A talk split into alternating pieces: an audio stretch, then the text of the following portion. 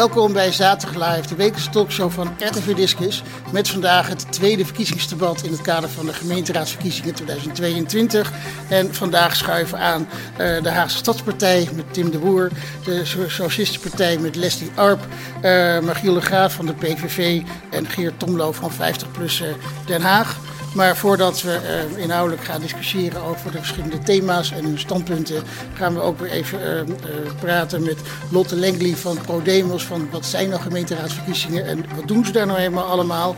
Um, de artiesten die, ja, alles kan weer bijna ehm, volgende week. Maar toch, artiesten hebben we nog even uit de muziekstudio gehaald, uit ons rijke archief. En nu eerst nog even de actuele en culturele weetjes met Guillaume Schonebeek. Goedemorgen. Goedemorgen, Guillaume. Goedemorgen, Robert. Uh, ja, er is weer genoeg te zien en te beleven komende tijd. Precies, alles kan weer. speuren. ja, corona is voorbij, dus het komt allemaal weer een beetje op gang nu. Uh, dus dat is wel fijn. Nou ja, corona uh, blijft, maar de maatregelen zijn voorbij. Ja, ja, ja, oké. Okay. um, bijvoorbeeld in het Kunstmuseum Den Haag hebben ze, hebben ze in samenwerking met de Mucha Foundation hebben ze een tentoonstelling opgetuigd. vanaf 5 februari, dus net geopend, kun je dus kijken naar uh, extravagante werken van Mucha. Denk aan spectaculaire kostuumzetten late 19e eeuw en kunst van kleurrijk gas en, glas en affiches. Een uniek kijkje in het Parijs van Mucha, de plek waar hij doorbrak. En de dames op de affiches met de bloemen in het haar vonden een weerslag in de 60s, in de hippiecultuur. Ook dat aspect komt in uh, de tentoonstelling naar voren. Dagelijks kun je er naartoe, behalve de maandagen van 10 tot 5. Dus, dus dinsdag tot zondag? Ja, dinsdag tot en zondag. Okay, ja. ja, even voor de helderheid. Uh, nou, hou je van het kijken naar gratis films of andere tentoonstellingen, dan kun je ook sinds kort uh, naar het nieuw geopende filmhuis aan de uh, Boekhorstraat 125 in Den Haag. in het 1646 Experimental Art Space, hele mond vol, is dat geopend. ze zijn van donderdag tot met zondag open. Je kunt vrij naar binnen lopen en sommige dingen zijn met een tijdslot. Dan moet je even kijken op 1646.nl. Ja, en zolang het gratis is, is het altijd wel leuk, toch? Ja, toch? En midden in de stad. Dus uh, ook leuk als je een wandeling gaat doen. Ook in de stad, binnenkort, laat deze maand, zet het vast in je agenda. Licht uit, spot aan. Na groot succes van de afgelopen jaren zet de Heek Highlights ook deze winter vier bijzondere plekken in het hartje centrum van Den Haag in het volle licht. Tussen 6 en 11 kun je, van, kun je uh, gratis kijken naar de lichtshow. Um, je kunt gratis een route downloaden op thehighlights.nl. En ja, vier dagen lang uh, een informatieve wandeling. Ook dingen als waarom heet de Kneuterdijk de Kneuterdijk worden uitgelegd. Dus ga het zien.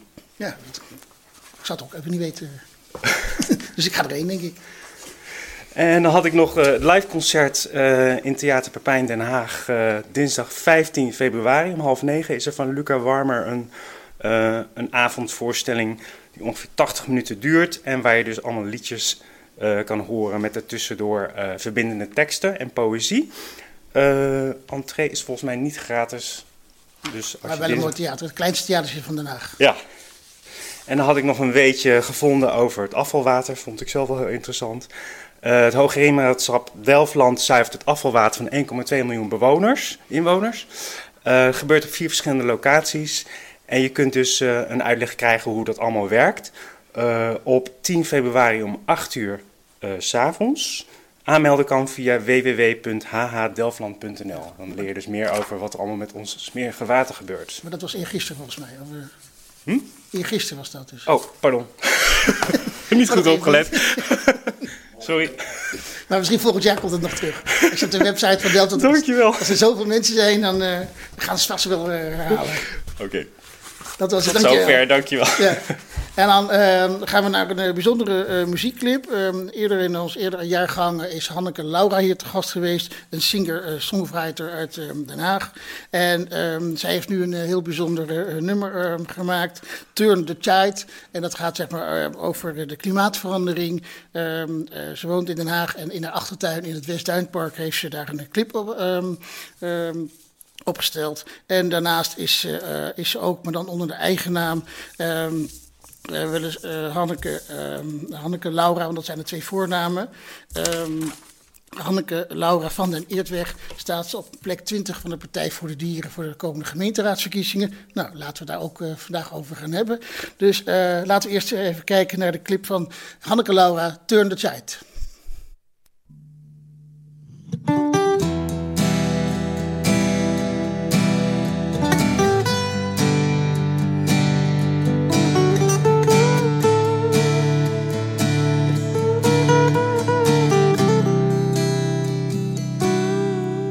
one world as we know it.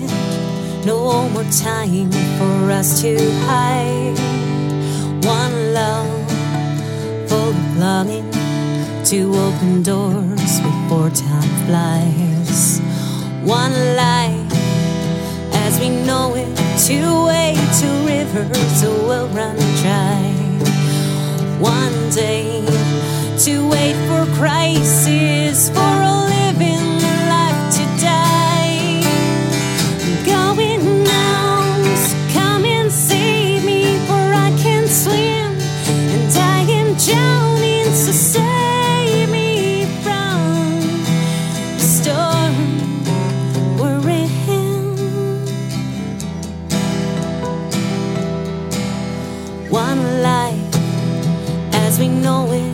two way to rivers will run dry. One day to wait for crisis for a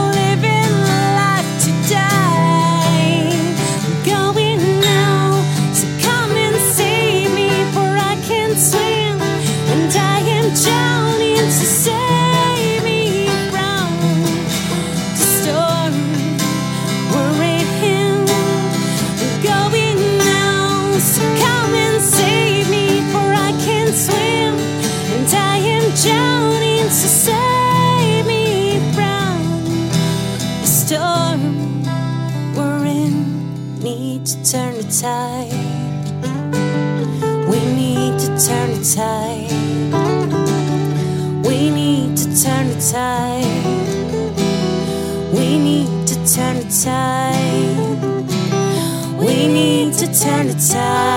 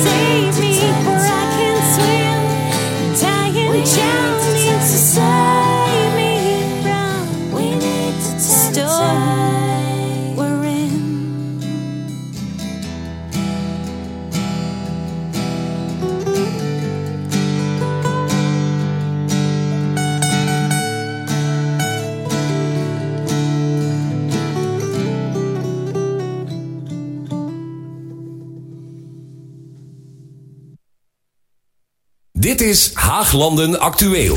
Een greep uit de actuele zaken in de regio. Ja, en dan Hanneke Laura brengt me dan eh, op de eerste vraag voor eh, Lotte Lenkby. Want ja, artiest, en ze staat ook op de, gemeenteraadsverkiezing van Partij voor de Dieren. Ehm, gemeenteraadslid, is dat eigenlijk een fulltime baan of doe je dat ergens naast? In principe is het geen fulltime baan. Ehm, het kost in Den Haag wel een hoop tijd. Er staat in principe geloof ik 24 uur voor. Of 20 uur. Ehm, ik hoor wel van gemeenteraadsleden dat ze er in praktijk echt wel langer mee bezig zijn. Maar het is zeker mogelijk om er een baan gewoon naast te hebben.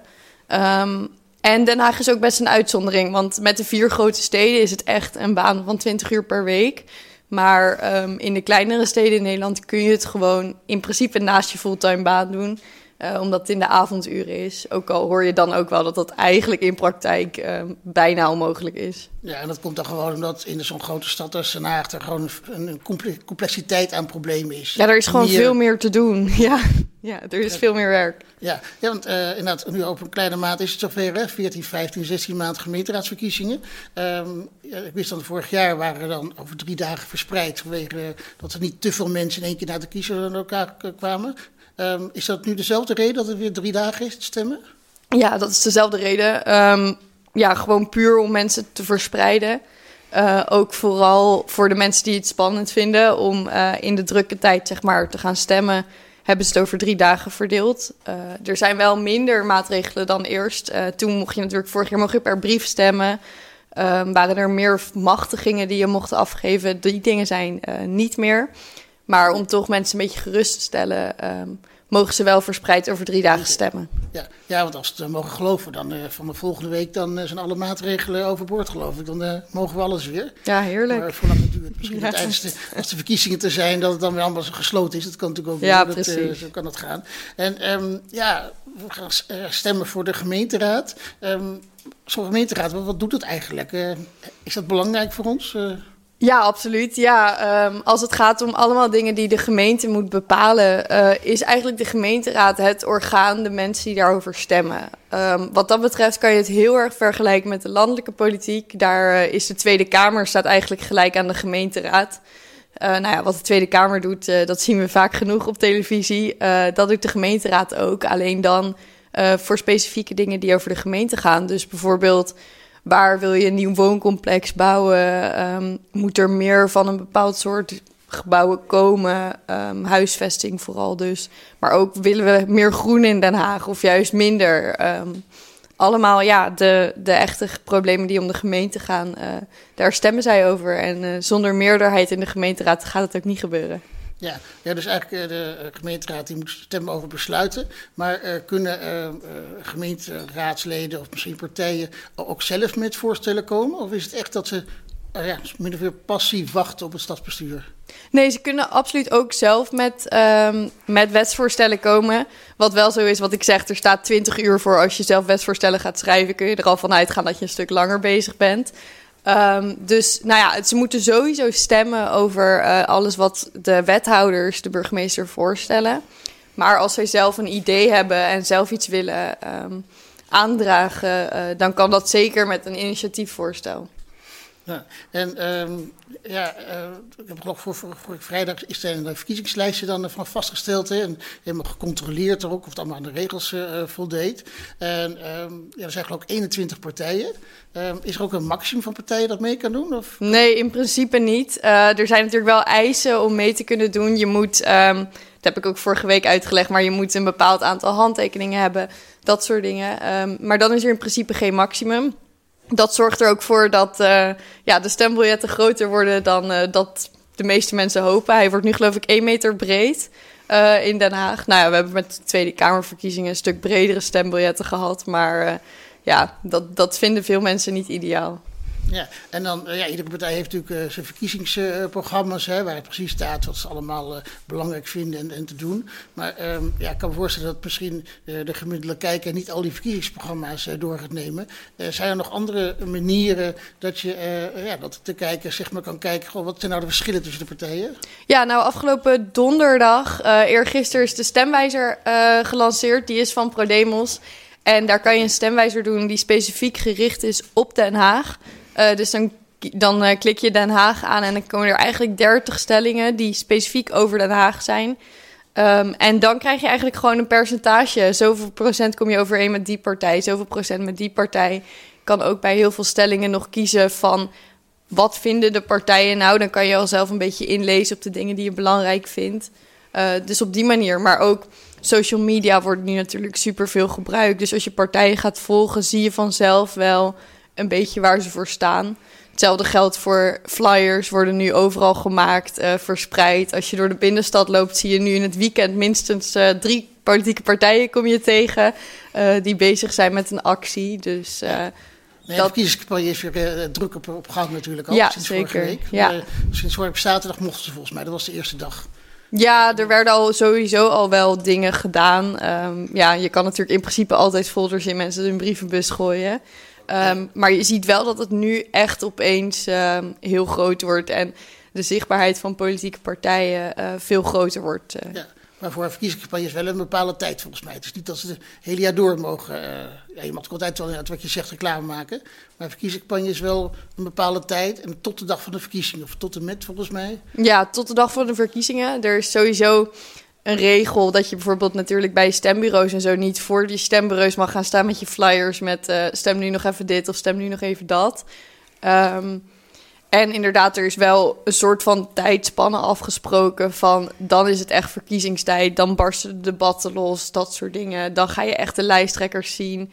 Eh gisteren is ook de laatste raads, eergisteren is de laatste raadsvergadering geweest, dus dan wordt het ook voor de raadsleden die er nu al zitten en misschien weer kandidaat zijn wat rustiger, waardoor ze ook meer hun focus op de campagne kunnen leggen. Ja, oké. dus ze hebben even tot na de verkiezingen geen raadsvergadering.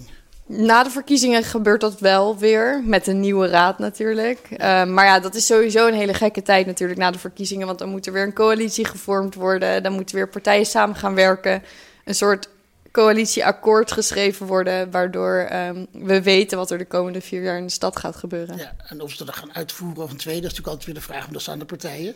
Ja, tuurlijk, want daar moet natuurlijk de gemeenteraad ook weer over stemmen. Uh, en dat, dat blijft aan de gemeenteraad, ja. ja. En die kan ja, zolang als het natuurlijk de landelijke politiek over doet, uh, zolang ze het in Den Haag niet over doen, denk ik. Nee, dat ligt, uh, ligt aan het wetsvoorstel. Ja, ja absoluut. En nog even terug naar, naar die stemwijze, want ik ben, ben er wel geïntegreerd van, uh, ja, je kan het invullen en dan komt er een bepaalde keuze uit. Maar ja, hoe, um, ja, hoe, hoe, meet je dat dan? Want ik heb het idee van altijd, volgens mij, als je misschien zes keer die stemwijze invult en zes keer andere vragen invult, komt er dan hetzelfde uit? Of... Nou, wat ik, ik heb wel, ik heb vorig jaar een beetje achter de schermen meegewerkt bij ProDemos aan die stemwijzer. En uh, in principe is het dus zo dat er echt een stuk of 50 of 80 stellingen naar die partijen worden gestuurd. Naar alle politieke partijen die mee willen doen. Die vullen ze in. En um, op het moment dat zeg maar de, stel, de 30 stellingen die het meeste een soort van de partijen onderscheiden van elkaar, die worden eruit gepikt. Um, die 30 stellingen zijn dus nu allemaal gelijk voor Den Haag. En als je dat invult, ja, dan komt er gewoon. Um, ja, dan die partijen hebben dus zelf die stellingen ingevuld naar aanleiding van hun verkiezingsprogramma en wat zij vinden. En ja, als je dus op ja klikt en dan hebben misschien zes andere partijen dat ook, dan ga je dus in percentage daar omhoog. Er is nu ook een nieuwe functie. Um, dat als je met twee partijen op nummer één uitkomt, omdat die percentages heel dicht bij elkaar liggen, dan komen nog vijf extra stellingen. Um, tevoorschijn, zeg maar, waar die partijen dus iets anders hebben ingevuld. Zodat je nog eens precies de verschillen tussen die twee partijen kan doen. En je kan het ook nog erop richten dat je zegt, nou, ik twijfel tussen vier partijen. Dan kan je ook die stemwijzer maken dat die alleen gaat vergelijken met die vier partijen. Dus als jij zegt, ik wil sowieso niet op partijen die nog niet in de raad zitten, of ik wil juist een nieuwe partij, dan kan je dat helemaal zo aanklikken. Nou ja, dus er is echt meer mogelijkheden voor. Ja, nou, absoluut. Ik ga het zeker ook uh, zelf doen. En um, uh, dan zag ik ook, uh, misschien, uh, ja, kijkers ook wel gehoord, dat geloof ik onze goed old Edwin Rutte lijstduwer van D66 is. En dan zei hij van, ja, lijstduwer, dus dan kom je niet in de raad. Maar er is ook iets dat je met voorkeursstemmen dan in de raad kan komen. En hoeveel stemmen zou dit moeten hebben, weet je dat zo? Ik weet het niet precies, maar dat zijn er best een hoop. Ik geloof rond de 1500 in Den Haag. Verschilt ook weer per stad. Want ze kunnen natuurlijk niet van je verwachten als je in een klein dorp woont... dat je ook zoveel stemmen haalt als in Den Haag. Um, het is zo dat lijstduwers vooral op de lijst staan om een lijst aantrekkelijk te maken. Dat mensen inderdaad van D66 die zien uh, Edwin Rutte en die denken dan... oh, jeugdheld, ik ga daarop stemmen. Ja. Uh, maar dat is in principe natuurlijk ook gewoon een stem voor die partij. Um, dus niet alleen maar voor die persoon. Maar daarom zijn er vooral lijstduwers om echt het aantrekkelijk te maken om daarop te stemmen. Maar dus niet per se met het doel om in de raad te komen. Um, maar er zijn ook heel veel mensen natuurlijk die wat lager op de lijst staan... En die wel gaan voor die voorkeurstemmen. Dus die um, zullen dan in de normale vorm niet per se um, verkiesbaar staan. Um, als je op plek 20 staat, ja, dan kom je er niet zo snel in. Aangezien we 45 zetels hebben in Den Haag. Dus dan moet je bijna een uh, meerderheid halen van de zetels. Maar ja, als jij je heel specifiek focust op een doelgroep of heel specifiek in een wijk campagne voert, dan kan het maar zo zijn dat je genoeg zetel, uh, stemmen haalt, waardoor je alsnog in de raad komt. Ja, dan is eigenlijk, je staat onderaan, dus je verwacht het niet. En dan, oeps, dan ben je toch opeens, uh, zit je in de raad. Maar... Ja, nou dat doe je meestal wel expres, want je ja. moet daar flink campagne voor voeren natuurlijk om aan zoveel, zetel, aan zoveel stemmen te komen. dus dat gaat niet per ongeluk meestal. Um, maar ja, het gebeurt wel eens dat er dus per ongeluk een lijstduwer in de raad komt. Dat is uh, bij Geert Wilders in Den Haag een keer gebeurd. Die stond als lijstduwer van de PVV in Den Haag. Dus had hij zoveel stemmen gekregen als lijstduwer... dat hij opeens in de raad kwam. Nou ja, hij was ook al Kamerlid. Dat kwam natuurlijk totaal niet uit. Nee. Maar dat mag wel. Je zei net, uh, raadslid doe je, doe je ernaast. Ja. Dus uh, misschien zou het wel kunnen. Alleen, ja, nou ja, nu op dit, op dit moment is natuurlijk de uh, lijsttrekker van Forum voor Democratie... is Gideon van Meijeren. Die zit ook in de Tweede Kamer. Die zit zelfs ook nog in de Provinciale Staten... Uh, dus uh, die gaat ze alle drie proberen te combineren, geloof ik. Ja, en, uh, want ja, eigenlijk dat heeft ook allemaal te maken ook, hè, met die voorkeurstemmen door het systeem in Nederland. Hè. Eigenlijk stem je op een partij. Hè, te vergelijken in Engeland, daar stem je echt op een persoon volgens mij. Hè? Ja, dat is vooral in Engeland heb je natuurlijk een districtenstelsel, waardoor je een soort van op iemand uit jouw. Dat, dat is dan met de landelijke politiek, dat je op iemand stemt uh, die uit jouw gebied komt. Dus dan is het echt: uh, ik wil buurman Kees of ik wil buurman uh, Jan. Ehm, maar ehm, het is zeg maar zo dat in Nederland eh, stem je zeg maar inderdaad op die lijst. Maar je stemt alsnog op een persoon, waardoor dus die voorkeurstemmen ook. Maar daardoor is het wel logischer in Nederland stemmen er veel meer mensen op de lijsttrekker ehm, dan op een kandidaat nummer 20.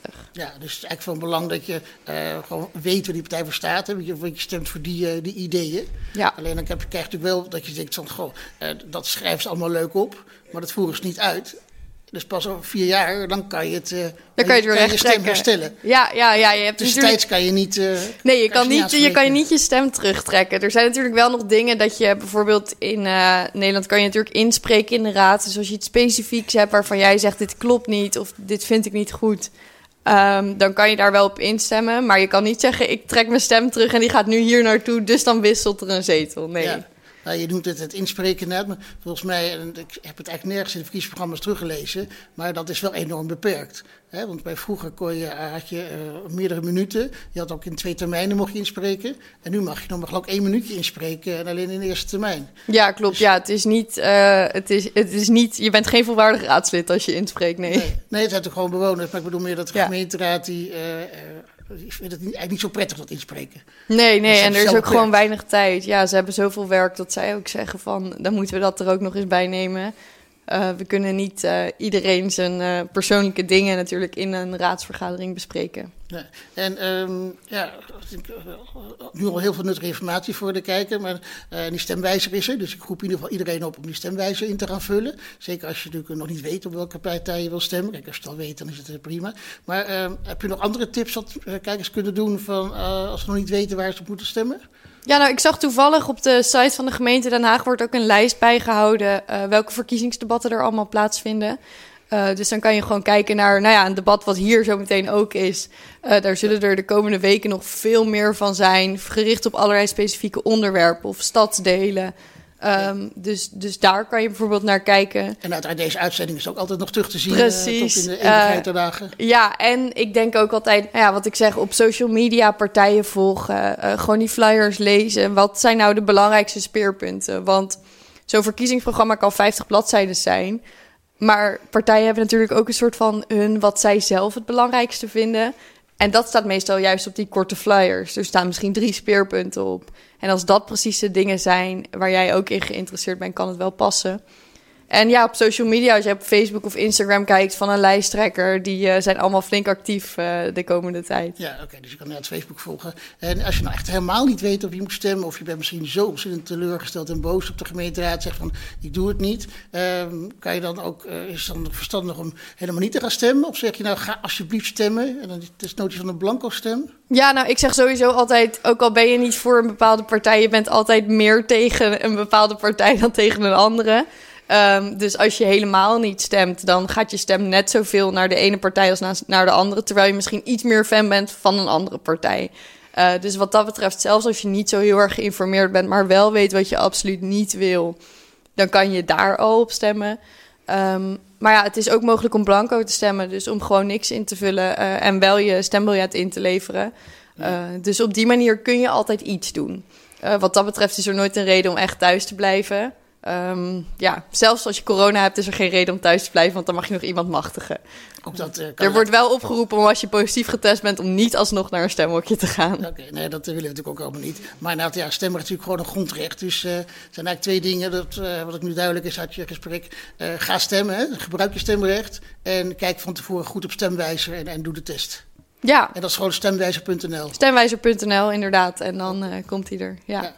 Nou, dankjewel dat je het eh, ja, hier weer hebt willen toelichten. Zometeen gaan we naar ons eh, tweede verkiezingsdebat. En eh, ja, heel veel succes, want jullie ook nog druk krijgen komende weken met alle voorlichtingscampagnes. ja, zeker. Ja, genoeg te doen. Ja, dus dankjewel dat je hebt willen toelichten en iets duidelijk had willen maken wat de gemeenteraad nou eigenlijk precies is en hoe het uh, verkiezingswerk gaat. En dan gaan we nu naar het uh, weeknieuwsoverzicht. Dit is het regionieuws. Ondanks stevige kritiek gaat de vernieuwing van Den Haag Zuidwest beginnen. De Haagse gemeenteraad heeft donderdagavond ingestemd met de sloop van 2000 woningen in de wijken Gaarden, Dreven en Zichten en de bouw van duizenden nieuwe huizen. De oppositie is fel tegen omdat de plannen te massaal zijn. Ook was er forse kritiek op wethouder Martijn Balster, PvdA, die de raad niet adequaat zou hebben geïnformeerd. Er komt daardoor, daarom een raadsenquête naar de informatievoorziening rond het project. Vriend en vijand is het erover eens. De vernieuwing van Den Haag Zuidwest is zeer ingrijpend. Wethouder Balsten wil duizenden woningen slopen en hier nieuwe voor terugbouwen. Daarnaast komen er 3500 extra woningen. Dat betekent dat mensen hun huizen uit moeten en de wijk een ander aangezicht krijgt.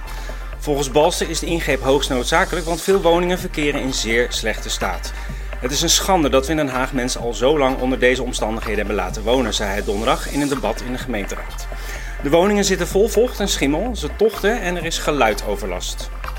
Leslie van Arp van de SP zette vraagtekens bij de door de wethouder gegeven terugkeergarantie en noemde de terugkeergaranties boterzacht. Wethouder Balster ontkent dat de garanties boterzacht zijn. We kunnen garanderen dat bewoners terug kunnen komen naar het plangebied, zei hij. Bewoners kunnen aangeven waar ze willen wonen en welke woningen passen bij hun portemonnee. We gaan ons tot het uiterste inspannen om alle wensen te vervullen. Ondanks alle kritiek was er met 26 stemmen voor en 17 tegen toch genoeg steun voor de toekomstplannen van Zuidwest. De gehele coalitie, inclusief VVD, stemde voor. Ook de oppositiepartijen Islam Democraten en groep Hoink van Papendrecht steunden de plannen. De rest van de oppositie stemde tegen. De spoorbrug over de Trekvliet op de grens van de rivierenbuurt en de Binkhorst komt op de gemeentelijke monumentenlijst. Dat wil zeggen dat de brug niet kan worden gesloopt of verbouwd zonder toestemming van de gemeente. Dit heeft het stadsbestuur deze week besloten na onderzoek van Monumentenzorg en de Welstandscommissie. De gemeente stelt de cultuurhistorische kwaliteit van het viaduct een neo-renaissance-stijl is te vergelijken met die van het station Holland Spoor en de tweede gemeentelijke gasfabriek, allebei rijksmonumenten. In combinatie met het water van de trekvliet vormt het viaduct een vrij ensemble als toegang tot de Binkhorst. De Spoorbouwmeester, een onafhankelijk bureau dat advies geeft over architectuur en grafische vormgeving op en rond het spoor, deelt deze mening. Het verzoek om de oude brug de monumentenstatus te geven werd al in 2019 ingediend door HSP-raadslid Peter Bos. Het onderzoek dat daarop volgde nam veel tijd in beslag. Gemeente wilde zeker weten dat de monumentenstatus voor de brug geen belemmering zou vormen voor de spoorwegplannen van ProRail en de gemeente. Dat bleek niet het geval. De oude spoorbrug ligt op de lijn Amsterdam-Rotterdam. Het is een van de vier bruggen over de Trekvliet. Het gaat om industrieel erfgoed uit de 19e eeuw op de plek waar de rivierenbuurt de Binkhorst en het Laakkwartier samenkomen. Deze spoorbrug is bijzonder vanwege de vormgeving van de brug. Hij is gebouwd in natuursteen en baksteen met stalen liggers en gietijzeren zuilen. Een 17-jarige Hagenaar is dinsdagavond aangehouden dat hij zich verdacht gedroeg. Bij het oversteken rende hij door rood. Tegen agenten zei hij zijn tram te willen halen. Echter rende hij vervolgens door en niet richting de halte. Bij identiteitscontrole van de jongen bleek hij een vuurwapen bij zich te hebben. Surveillerende agenten zagen dinsdagavond rond 11 uur een jongen over de kruising van de Vajantlaan achter twee rennende jongens rennen richting de Vajantlaan. De achtervolgende jongen negeerde daarbij een rood verkeerslicht. Tegen agenten zei de jongen dat hij rende onze trend. Oh, sorry. um, tijdens de controle in de Zegerstraat vertelden omstanders dat de jongen een vuurwapen bij zich zou dragen. Daarop werd hij aangehouden. Bij het fouilleren werd het wapen gevonden. Het aangetroffen wapen tot vuurwapen omgebouwd gaspistool. De verdachte zat dinsdag vast en er is procesverbaal tegen hem opgemaakt. Storky van ADO, Lucky van Ajax, Koentje van Feyenoord, Bultje van Heracles. Ze waren bijna allemaal op het plein in Den Haag, de voetbalmascottes van de Nederlandse clubs. Ze protesteerden tegen het coronabeleid. De voetbalclubs willen de tribunes weer helemaal vol hebben. Publiek is legale doping, zegt Storky. Ondanks dat deze week bekend werd dat er mogelijk versoepelingen aankomen en de stadions weer meer bezoekers mogen ontvangen, ging de demonstratie op het plein vrijdag toch door. Vooralsnog zijn, zijn het geruchten en adviezen. We zijn wel vaker in ons hem gezet, zegt Herjan Pullen van Supporterscollectief Nederland in Haags Bakkie. Daarom proberen, ze de, daarom proberen ze de politiek nog een extra duwtje in de rug te geven. We gaan gezamenlijk te strijden voor volle stadions. Een volle stadion is goed voor de club. ADO heeft de centjes hard nodig. Als je een stadion niet kan vullen, kunnen minder mensen een seizoenskaart kopen. Het is belangrijk dat mensen uit de stad naar de club kunnen, zegt Storky. Maar ook voor de sfeer is het belangrijk. Het is legale doping. Als publiek erachter staat, geeft dat extra power. Tot zover het regio-nieuws. En dan gaan we voor een muzikaal optreden naar onze uitzending van 8 april 2017, House of Women.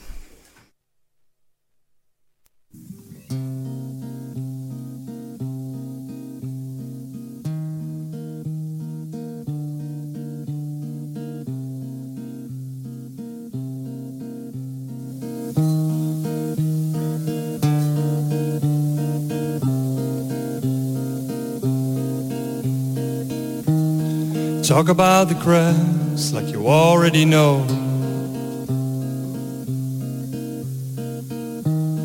Turn all my life upside down.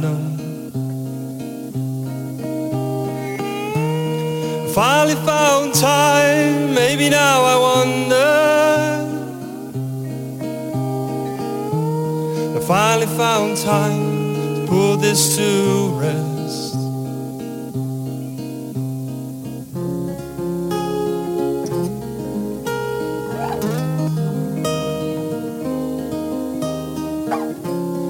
Sometimes I know I have to play it softer have to turn it down. Sometimes I know I have to play it softer. Have to turn it down. Sometimes I know I have to play it softer. Have to turn it down.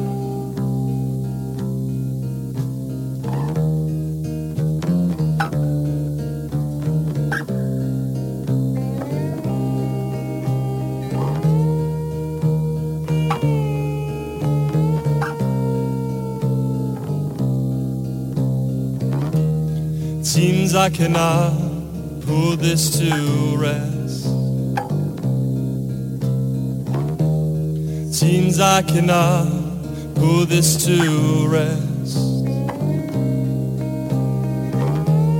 Seems I cannot put this to rest. Feels like I should put this to bed.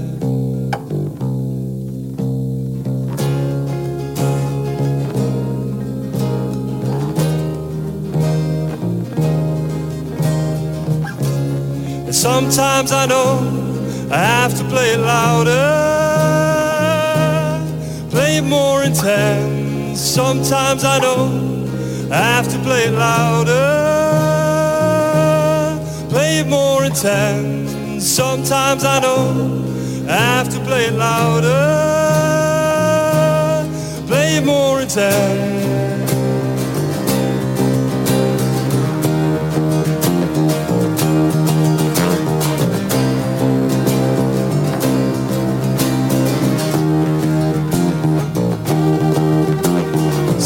Standing on a stage, the look upon your face is priceless. Standing on a stage, the look upon your face is priceless.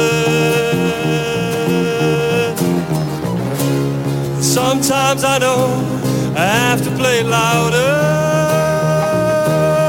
play more intense. Sometimes I know I have to play louder. Intense. Sometimes I know I have to put this out there you wouldn't understand. Sometimes I know I have to put this out there.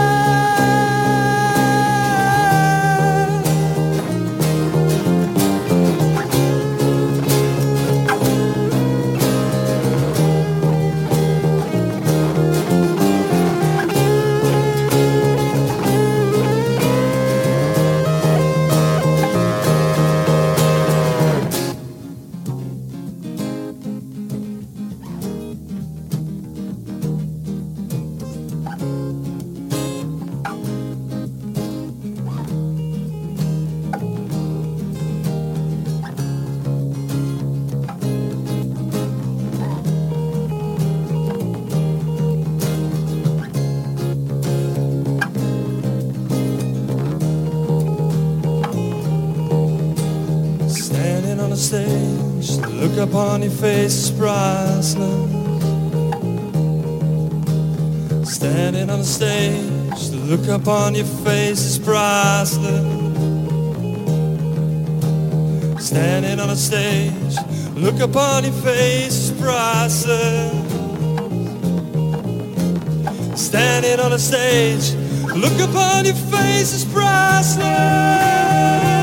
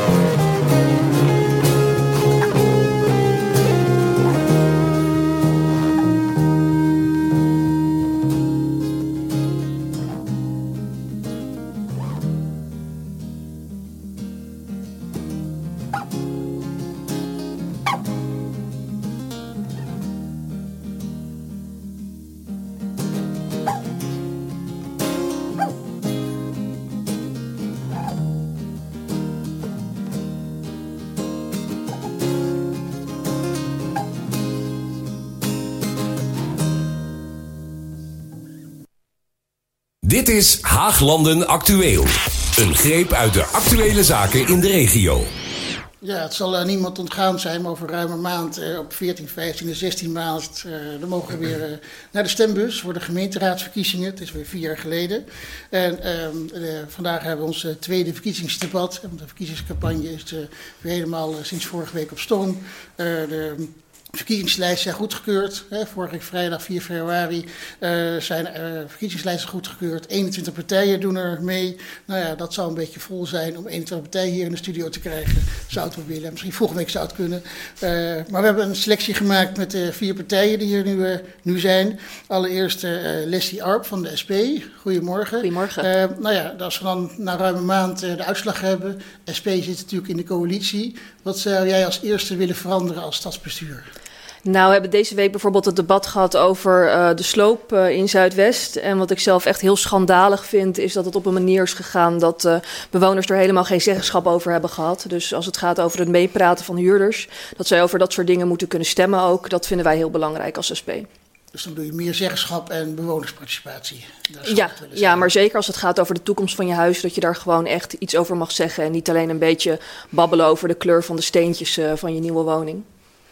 Oké, duidelijk. En uh, ja, naast jou ook een uh, bekend gezicht voor de kijker, denk ik, uh, Tim de Boer van HSP. Um, waarom moeten we 14, 65 maart met HSP stemmen? Um, nou, wij zijn een van de weinige lokale partijen in Den Haag. en we voeren al 24 jaar links lokale politiek. Um, en ik sluit me eigenlijk ook heel goed aan bij Leslie van ja, bewoners moeten betrokken worden bij het maken van de stad. En je ziet dat er nu uh, in de afgelopen vier jaar heel veel grote plannen doorheen zijn gedrukt. Um, terwijl je ook samen met de bewoners uh, ja, hele mooie nieuwe plannen kan maken. En uh, dat is belangrijk. Oké, okay, duidelijk. Dus ik denk dat het voor de kijker ook duidelijk is. Um, aan de andere kant, ja, een relatieve nieuwkomer, weer, weer, weer terug. Even weg geweest, ja, maar terug, 50 ja. plus Den Haag komt weer terug in de raad. Um, Geert Timmer, toch even de persoon uh, voor de kijker. Um, wie is Geert Timmer? Ja, sommigen kennen me nog van, uh, van uh, de vorige raadsperiode. Ik heb van 2018 tot 2020 was ik fractievertegenwoordiger. Dus ik heb al twee jaar meegedraaid met de nodige commissies. In 2018 hebben wij het enige raadslid wat wij toen hadden, Frans oh, van Hoink. Die ja. is meegegaan met Henk Rol en de rest is history. Dus wij komen gewoon vrolijker terug. Ja, en uh, ja, waarom? Uh, want wil je alleen dat ouderen op de 50 plus gaan stemmen? Of nee, we zijn, wij zijn breder. Nee, stemmen? nee, kijk, het, het leven tegenwoordig bestaat uit vier fases. Dat is, uh, je, je, tot je twintigste probeer je zo goed mogelijk te leren. Van je twintigste tot je vijftigste probeer je familie en werk op te bouwen en carrière. En dan krijg je dat, die groep van 50 tot 70 die problemen gaan krijgen met het vinden van werk, die problemen gaan krijgen met gezondheid, die problemen gaan krijgen met, met het wonen. Ja, daar zijn wij voor. En dan heb je nog de groep van 70 tot de doodskist. Ja, die willen we ook graag uh, servicen. En dat bedoel ik mee. Van, de, ja, nee, maar je, je, moet, je moet, uh, de ouderen moet je ander, met anders mee communiceren. En ik spreek die taal. En daarom ben ik er. Ja. Jij bent volgens mij ook uh, mediator. Dus ja. is, is dat nog voordeliger als je in de raad zit, als raadslid? Dat je het, goed kan luisteren? Ja, mediators zijn in ieder geval voordelen als je bij de bakker staat. Je weet hoe je een boodschap moet brengen. Je kan, je kan een, een, een verhaal sturen. En vooral wat je bij mediation heel goed leert, is luisteren. En als je luistert, dan communiceer je. Nou, ik hoop dat je komende half uur ook heel veel zegt en niet helemaal luistert. Um, last but not least hebben we uh, Michiel de Graaf van de, PVV. Um, ja, jullie zitten ook al een tijdje in de raad. Um, volgens mij, je was ook uh, Tweede Kamerlid en Eerste Kamerlid. Uh, wat is nou het verschil tussen uh, Kamerlid en raadslid? Of is er, is er wel een verschil? Uh, ja, ik heb van, van, van 10 tot 14 in de Haagse Raad inderdaad gezeten. Daarna, of, tijdens ook die periode ben ik fractievoorzitter geweest in de Eerste Kamer, 15 maanden. En sindsdien ook na mijn Eerste Kamerlidmaatschap ben ik Tweede Kamerlid. Het verschil tussen landelijke, en landelijke politiek en, plaatselijke politiek of, of, of, of lokale politiek is eigenlijk dat het lokale letterlijk heel dicht bij, uh, uh, bij de mensen staat en landelijk toch wat vaak wat abstracter is, wat verder weg staat. En bijvoorbeeld waar we het nu over hebben, ook over wat van de week in de raad besproken is, de sloop van Zuidwest. Of de, de, de, de, laten we zeggen, de stadsvernieuwing eigenlijk, het nieuwe duivensteintje wat, wat wethouder Balster zou willen zijn ja, dat, dat komt zo dicht bij de mensen. En dan, dan is het weer leuk dat een partij als de, de PVV ook lokaal uh, actief is. Omdat wij pleiten ook voor uh, regionale, maar zelfs referenda op wijkniveau. Het zou mooi zijn als er in Zuidwest een, een, referendum op wijkniveau was geweest. Waardoor de mensen op de meest pure manier, naast de inspraak en de samenspraak, ook nog eens hadden mee kunnen beslissen in plaats van alleen praten. Ja, ja ik zie je verbinding met de SP, want het heeft alles te maken met zeggenschap en participatie. Ja. Waar je dus ook voorstander van bent. Ja. ja. Uh, ja, dan gaan we uh, uh, het debat zeg maar, doen. Dus we hopen met name zeg maar, dat we meerdere van jullie vieren gewoon de standpunten krijgen te horen over meerdere onderwerpen. Hè, want het gaat erom dat de kijker natuurlijk zo meteen, hopelijk na anderhalf uur, maar ja, dat zal wel weer te kort zijn, maar dat hij duidelijk weet wat dan zijn nou de verschillen, of wat, waar kunnen partijen zich, vinden. Want ze moeten natuurlijk ook gaan misschien coalitieakkoord maken. Dus dat is ook handig als mensen weten van welke partijen gaan misschien samen. Um, vier stellingen um, ontwikkeld. En dan wil ik ook zo doen dat Eén uh, iemand kan dan even die stelling even verdedigen waarom die daar, uh, daarvoor of tegen is. Daar krijg je dan ongeveer twee minuten voor. Ik ben echt niet streng als het twee minuten tien wordt, dat het dan moet stoppen of zo. Maar dat je niet een heel pleidooi van een half uur gaat houden, dat is ook zonde van, van de tijd. En dan ja, ook dat anderen daar gaan er lekker tegenin en wat die ervan vinden. De eerste stelling is van HSP, van de SP, excuseer, Leslie Arp. meer sociale huurwoning verspreid over de gehele stad. Nou, Waarom? Ja, je ziet nu eigenlijk dat Den Haag een hele gesegregeerde stad is. Hè? De stad van zand en veen. En uh, je ziet wijken waar heel veel uh, arme mensen wonen, waar mensen ook in slechtere gezondheid opgroeien. Heel veel uh, ja, problemen bij elkaar. En je ziet aan de andere kant dat um, in de rijkere wijken, als je kijkt naar de nieuwbouw, dat slechts 10% van de woningen die daar gebouwd wordt, uh, sociale huur is. Dus die verschillen die worden eigenlijk alleen maar groter. En ja, wat ik heel triest vind, is dat je eigenlijk de afgelopen uh, jaren heel veel ook linkse partijen hebt gehad in uh, coalities die daar altijd schande van spreken, maar gewoon qua bouwplannen daar eigenlijk nauwelijks wat aan hebben gedaan. En uh, ook als je bijvoorbeeld de concentratie van uh, mensen die uh, ja, best wel veel problemen hebben in wijken als Moerwijk en de Molenwijk wil aanpakken, dan zul je toch ook zorgen dat zij ergens anders moeten kunnen wonen dan in die wijken. Dus daarom zeggen wij inderdaad, spreid die sociale woningbouw beter. Dat moet echt een prioriteit zijn de komende jaren. Oké, en dan zeg je natuurlijk, nou, je hebt het aardig binnen de tijd gehouden, maar ehm, waarom dan sociale woningen verspreid over de stad? Want je kan natuurlijk ook die, de, de duurdere woningen naar de andere wijken halen. Ja, dat is natuurlijk wat er alleen maar gebeurt. Uh, want dat is lekker lucratief voor de, voor de fastfoodboys, zoals uh, die hier lekker ja, gaat sloopnieuw bouwen. Ehm, dus dat is wat nu al heel veel gebeurt. Je ziet het natuurlijk ook heel erg bij, in de buurt van du Duindorp, hè, het Norfolk-terrein. Dus ja, één grote ja, sorry dat ik het zeg, maar toch ook een beetje een juppenwijk geworden. En je ziet ook dat mensen daar heel erg kwaad over zijn. Van waarom is er niet uh, voor, onze kinderen bijvoorbeeld gebouwd? En heeft men alleen maar die dure woningen daar neergezet? Dus je ziet het andersom al heel veel. Daar hoeft de politiek denk, denk ik niet op te sturen. Maar als het gaat om het sociaal bouwen in die dure wijken, dan heb je een college dat zegt van nou, dan willen we toch liever een kantoor voor een internationale instelling of zoiets dergelijks. En allemaal kostbare grond die naar ja, inderdaad dat soort kantoren, hotels, uh, dat soort zaken gaat. Terwijl je ook van voor wonen had kunnen kiezen. Ja. Maar dan komt wel bij mij op, want ja, jullie, HSP, uh, WVV, natuurlijk een uh, 50 plus dan maar twee jaar, uh, hebben afgelopen vier jaar in de gemeenteraad gezeten. Uh, heb je dan zitten slapen of zo? Maar waarom is het nee. afgelopen vier jaar niet gebeurd? Absoluut niet. Dus nee, je slapen, nee, nee, ik heb vaak met de collega's hebben we... En het grappige is toen uh, Balster zeg maar, oversprong naar de coalitie. Echt 24 uur later was zijn mening anders. Want uh, Martijn was altijd vooraan als het ging over de 30% nieuwbouw of sociale woningbouw bij nieuwbouwprojecten. Nou, we hebben met de collega's hebben daar keer op keer gehamerd en we zijn weggelachen. Ja. Letterlijk, weggelachen. Ja, dat was schandalig, echt schandalig. Nou, we hebben recent bij de plannen in de binnenstad voor de uh, priva-locatie en staalbankiers hebben we een amendement ingediend om daar ook 30% sociaal te gaan bouwen. Uh, omdat uh, ja, dat valt net onder de norm, dus ze hoefden daar niet. Uh, ja, en dat is uiteindelijk door de coalitie ook gewoon weggestemd. Dus we proberen het wel, alleen je ziet dat, uh, ja, dat de macht van het geld en de projectontwikkelaars uh, reikt ver in Den Haag.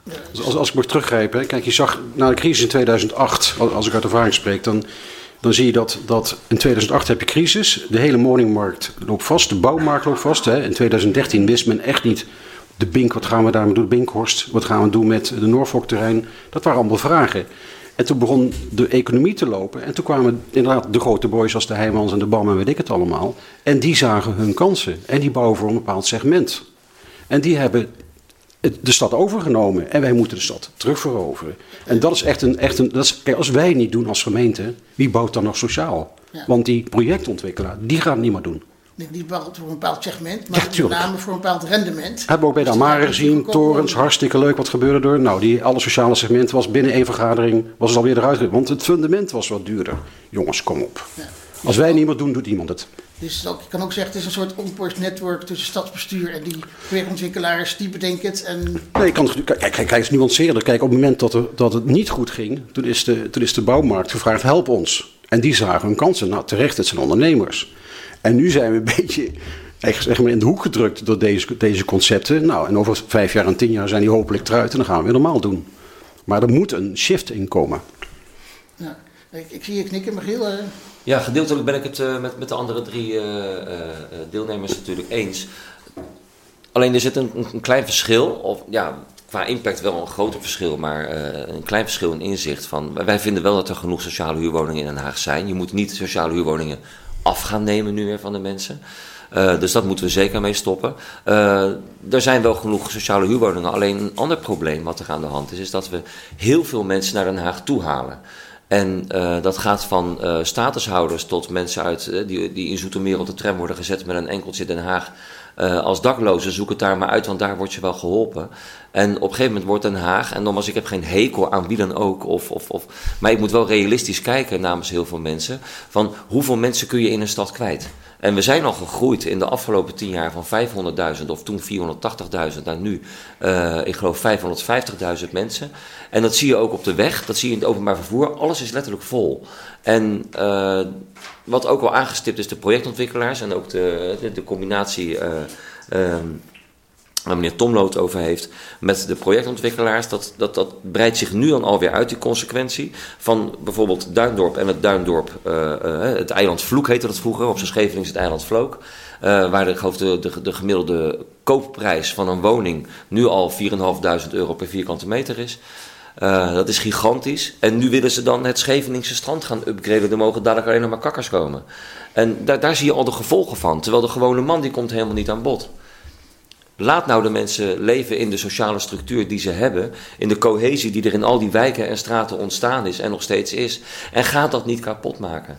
En dan Maar hoe gaan jullie dat per se oplossen? meer sociale huurwoningen te bouwen. Maar laat minder mensen toe in de stad en zeg van joh, we zijn vol. Den Haag is vol. Dat mag je best zeggen. Goede vraag van Geert. Ja, ik, ik, ik, ik, eh, ik- kijk, wij zeggen ook Den Haag is vol. Eh, Ik, iedereen, vriend en vijand, links en rechts, rijk en arm, ervaart deze stad als vol. En die heeft te maken met de zee, Wassenaar, Voorburg, Rijswijk. Maar misschien ga je toch even van de week, want Ja. dit is misschien niet meer voor de volgende stelling. Dan, ga- ja, dan, ga ik toch, dan kom ik terug op de vraag, hoe ga, je, hoe ga je het oplossen? Meer sociale huurwoningen, daar ben je op zich wel mee eens, maar niet verspreiden. Want eigenlijk de stelling heeft twee onderdelen. Nou, niet per se meer, niet minder. Maar je moet er niet meer mensen bij gaan, eh, gaan halen in de stad. Want dan kom je inderdaad steeds onder druk en dan moet je bij blijven bouwen. En als je bij blijft bouwen, dan zegt dat ook tegen mensen in andere steden of in andere landen: van joh, wij zijn toch aan het bijbouwen, kom maar hierheen. Het, het, het is ook een prikkel die, die, die zichzelf versterkt. Ja. Dus als je daar op een gegeven moment een, een, knip in zet, dan kun je vanuit die situatie gaan werken. Maar ja, dat gaat toch over van, in het algemeen minder bouwen. Ik wil toch nog even van eh, meer sociale huurwoningen. Volgens mij zijn we daar wel over eens, kennelijk. Maar waarom ook verspreid? Dus, Ja, die begrijp ik ook niet. Zitten bepaalde wijken eh Nou te wachten? dat, dat is denk ik heel Zit goed uit te leggen. staatkwartier op sociale huurwoningen? Ja, nou ja, uiteindelijk denk ik dat je gewoon bepaalde maatschappelijke problemen hebt en dat je allemaal moet bijdragen aan de oplossing. En ik denk woningnood is een van de grootste maatschappelijke problemen. Maar als ik het nader kan uitleggen, we hebben afgelopen week, meen ik, een debat gehad over eh, de spreiding van zorgdoelgroepen in Den Haag. En als je dan bijvoorbeeld kijkt hoe mensen, je hebt het dan over mensen die uit een zorginstelling komen, die dakloos zijn geweest, et cetera. En als je kijkt hoe die spreiding nu is, dan is Moerwijk bijvoorbeeld echt donkerrood. Ik bedoel, je ziet daar gewoon heel veel kwetsbare mensen die daar komen. Waarom is Dat dat? is ook jullie kleur. Omdat dat, omdat dat eigenlijk een van de weinige wijken is waar je überhaupt betaalbaar een woning kan vinden. Geldt ook natuurlijk voor een wijk als de Molenwijk. Daar zitten ook veel sociale huurwoningen. Dus als je die woningen niet genoeg spreidt, dan heb je ook de situatie die je in stand houdt dat in bepaalde wijken heel veel kwetsbare mensen wonen. En in bepaalde wijken alle mensen die het eigenlijk gewoon hartstikke goed hebben. En ik hoor heel veel partijen, zoals ik al zei, daar schande over spreken op links. eh P van de A, GroenLinks. Wat hebben ze er de afgelopen tijd aan gedaan?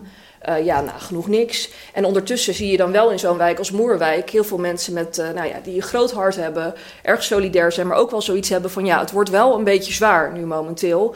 En dat je dan ziet dat ook weer alleen die groepswoningen voor mensen die uit instellingen komen, et cetera, ook vooral in die wijken worden neergezet. Ja, dat vind ik dan toch wel een onbegrijpelijke keuze van de gemeente.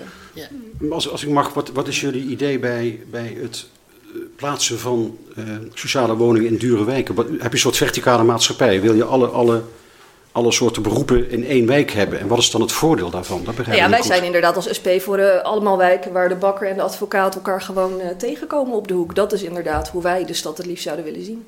En daarmee denk je ook dat bepaalde problemen opgelost worden?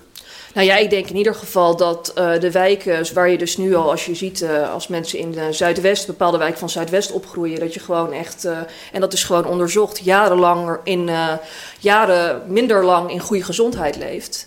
Ja, dat soort dingen vind ik eigenlijk schandalig in een eh, rijk land als Nederland. Dat dat zo is. Of bijvoorbeeld dat kinderen niet naar de tandarts gaan, of heel weinig naar de tandarts gaan in bepaalde wijken, omdat de ouders bang zijn voor, eh, nou ja, Ja. eh, voor de rekening en dat soort dingen. Dus dat, dat vind ik echt heel schandalig dat dat in een rijk land als Nederland is.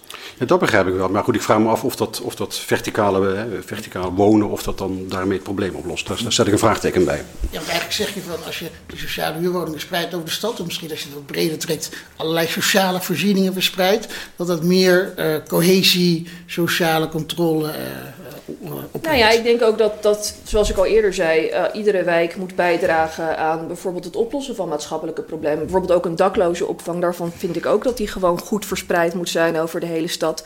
En wat je dan ziet is dat eh, in het stadsbestuur worden we heel erg gegijzeld door de VVD. En die zegt ook van ja, we mogen niet bouwen in de bestaande stad. Dan denk ik van ja, alsof Bouwlust Vrede dus niet een bestaande wijk is. Eh, dus die houden heel erg, die beschermen heel erg hun eigen, hun eigen wijken waar hun eigen achterban zit. En eh, dan vind ik het toch jammer dat de coalitiepartijen daar zich zo eh, ook door laten gijzelen eigenlijk.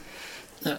Dus ja, je zegt eigenlijk van ehm, er moet, ja, de stad moet gewoon van ons allemaal worden. Ja. En dat, kan je ook, dat kan je be- bereiken door het allemaal te spreiden. Ja, ik denk in ieder geval dat de scheefheid die er nu is, die moet echt keihard bestreden worden. Ja, ik zie ook een stem eh, Tim. Ja, nee, dat- klopt. Eh, kijk, hè, om nog even op, eh, op Geert in te gaan. Op het moment dat die verschillende groepen in één wijk wonen, dan zitten ze vaak ook op dezelfde school en komen ze hè, andere mensen tegen. Hè, en je, en, en dat, dat levert ook menging op en ook ja, grotere kansen om eh, ja, een ander leven te gaan leiden dan eh, wat je zou hebben als je alleen maar sociaal bij, woningen bij elkaar hebt. Hè, dat je geconfronteerd wordt met een advocaat of een. Ja, eh, ik, zou, ik zou eerlijk gezegd, ik zou heel vervelend vinden als ik met mijn modale inkomen mijn, mijn sociale flatje uitga in de archipel. En er staat weer een Jaguar en een Mercedes van mijn buurman, die ik never nooit ga krijgen. en dan ga ik naar de slager op de hoek en dan is vlees twee keer zo duur. Dan kom ik bij de groentejuwelier, kan ik het ook al niet betalen. Ik zou me depressief voelen. Ik denk juist dat ik me veel meer gesterkt voel, is bij, soortge bij soortgenoten is een rotwoord, maar bij, bij, bij lotgenoten, hoe je het wil noemen. Maar ik, je voelt je toch op een gegeven moment thuis in een bepaalde groep. Ja, ja, laten we jij- lekker bij elkaar zitten. Over, o- o- over één iemand die er woont. Kijk, je moet Ja. wel goed gaan, gaan spreiden. Nee, kijk, wat we moeten doen is dat we in de slechte wijken, dat we daar de leefomstandigheden verbeteren. Dat daar, Ook. daar het ook. allemaal leuker wordt, maar- beter wordt, gezonder Nee, wordt. Maar niet, niet, niet kunstmatig gaan mengen, jongens. Er het- het er zijn er onderzoeken al van geweest, dat werkt allemaal niet. Nee, oké, maar dan moeten we dus ook geen dure woningen bouwen in de, in de arme wijken. Dat ben ik ook eens. Ja, en eh, dat is ook eigenlijk meer zeg maar ehm, dat, ehm, eh, dat je eigenlijk meer de stad voor één wordt. Maar dat kan je ook bereiken door eh, dat wijken iets voor elkaar doen. Je hoeft niet per se in die wijk zelf dan de- die andere woning te bouwen. Maar je kan, wij kunnen ook van elkaar leren, dat wil ik eigenlijk zeggen.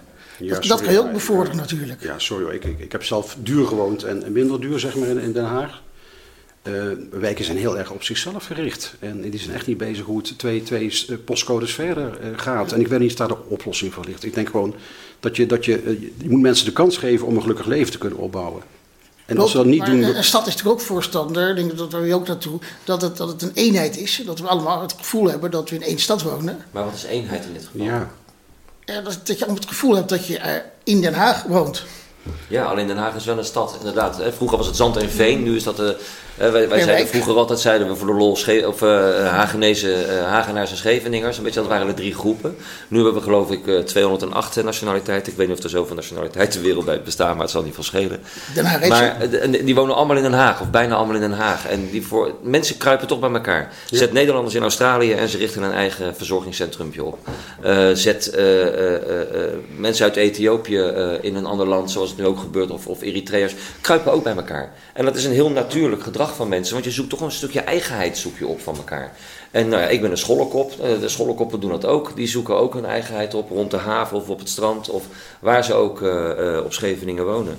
En sterker nog, ik woon buiten Scheveningen, maar ik ga er elke dag heen. Omdat ik toch even mijn eigen dialectje gesproken wil hebben, s'morgens. Dat is mijn sociale omgeving, die zoek ik op. En dat doe ik buiten mijn wijk. Als het gaat om eenheid of voor elkaar zorgen binnen wijken, dan gebeurt het natuurlijk wel op financieel niveau al. Als je in de Vogelwijk woont, zou er zelf niet willen wonen, of in het Statenkwartier, of, of in het Belgisch Park, of in Archipel, of, of, of, of, hè, de Willemsbuurt, eh, Bezuidenhout, Benoordenhout bedoel ik in dit geval. De rijkere wijken, eh, die betalen wel meer belasting en de andere wijken ontvangen meer belasting. Dat is de financiële prikkel waar al eenheid uit ontstaat. De een betaalt meer zorgpremie dan de ander. Daar zit dan een solidariteitsheffing zit erin, bijvoorbeeld de zorg. En op die manier zorg je natuurlijk al heel erg voor elkaar.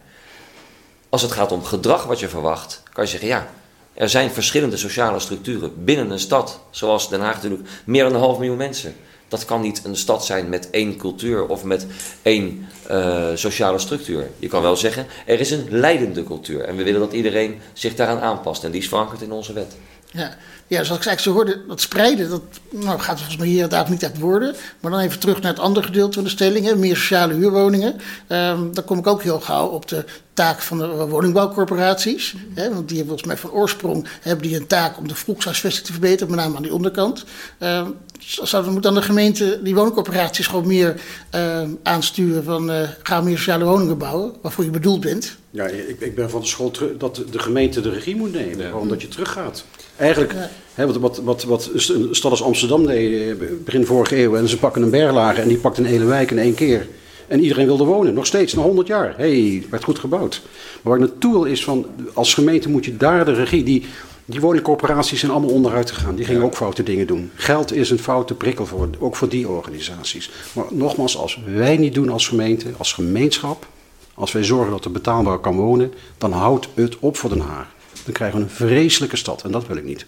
Ja. En de gemeente kan natuurlijk uh, denk ik, goed gaan stimuleren. Want volgens mij landelijk ja. is besloten dat die uh, van Maledij de verhuurdersheffing wordt afgeschaft. Ja. Dus uh, er is wel hoop dat woningcorporaties weer meer geld krijgen. Ja, wij, ja, wij, en, en, en, en, sterker nog, we kunnen als gemeente ook gewoon zelf gaan bouwen als de, ja. als de corporatie het niet doet. En we wachten nog steeds op de afdoening van mijn motie daarover.